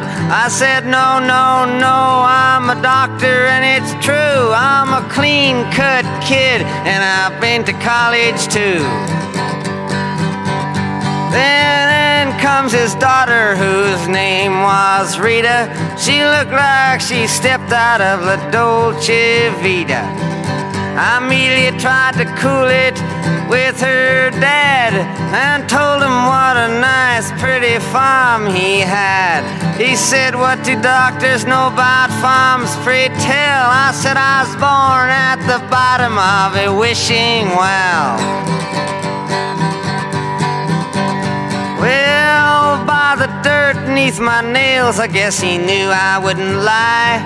He said, I guess you're tired. He said it kind of sly. I said, yes, 10,000 miles today I drove. He said, I got a bed for you underneath this stove. Just one condition, you can go to sleep right now. That you don't touch my daughter and in the morning milk the cows. I was sleeping like a rat when I heard something jerking. There stood Rita looking just like Tony Perkins. She said, Would you like to shake a shower? I'll show you up to the door. I said, Oh, no, no, I've been through this movie before. I knew I had to split, but I did not know how. When she said, Would you like to take that shower now? Well, I couldn't leave unless the old man chased me out. Cause I'd already promised that I'd milk his cows. I had to say something to strike him very weird. So I yelled, I like Fidel Castro and his beard. Rita looked offended, but she got out of the way as he came charging down the stairs, saying, What's that I heard you say? I said, I like Fidel Castro, I think you heard me right. Then I ducked as he swung at me with all his might. Rita mumbled something about her mother on the hill as his fist had hit the icebox. He said he's gonna kill me if I don't get out the door in two seconds flat. You unpatriotic, rotten Dr. Cummy Rat. Well, he threw a Reader's Digest at my head and I did run. I did a somersault as I seen him get his gun and crashed through the window at a hundred miles an hour and landed fully blast in his garden flowers. Rita said, Come back, and he started to load. The sun was coming up, and I was running down the road. Well, I don't figure I'll be back there for a spell, even though Rita moved away and got a job at a motel. He still waits for me, constant on the sly. He wants to turn me into the FBI. Me, I romp and stomping, thankful as I romp. Without freedom of speech, I might be in the swamp.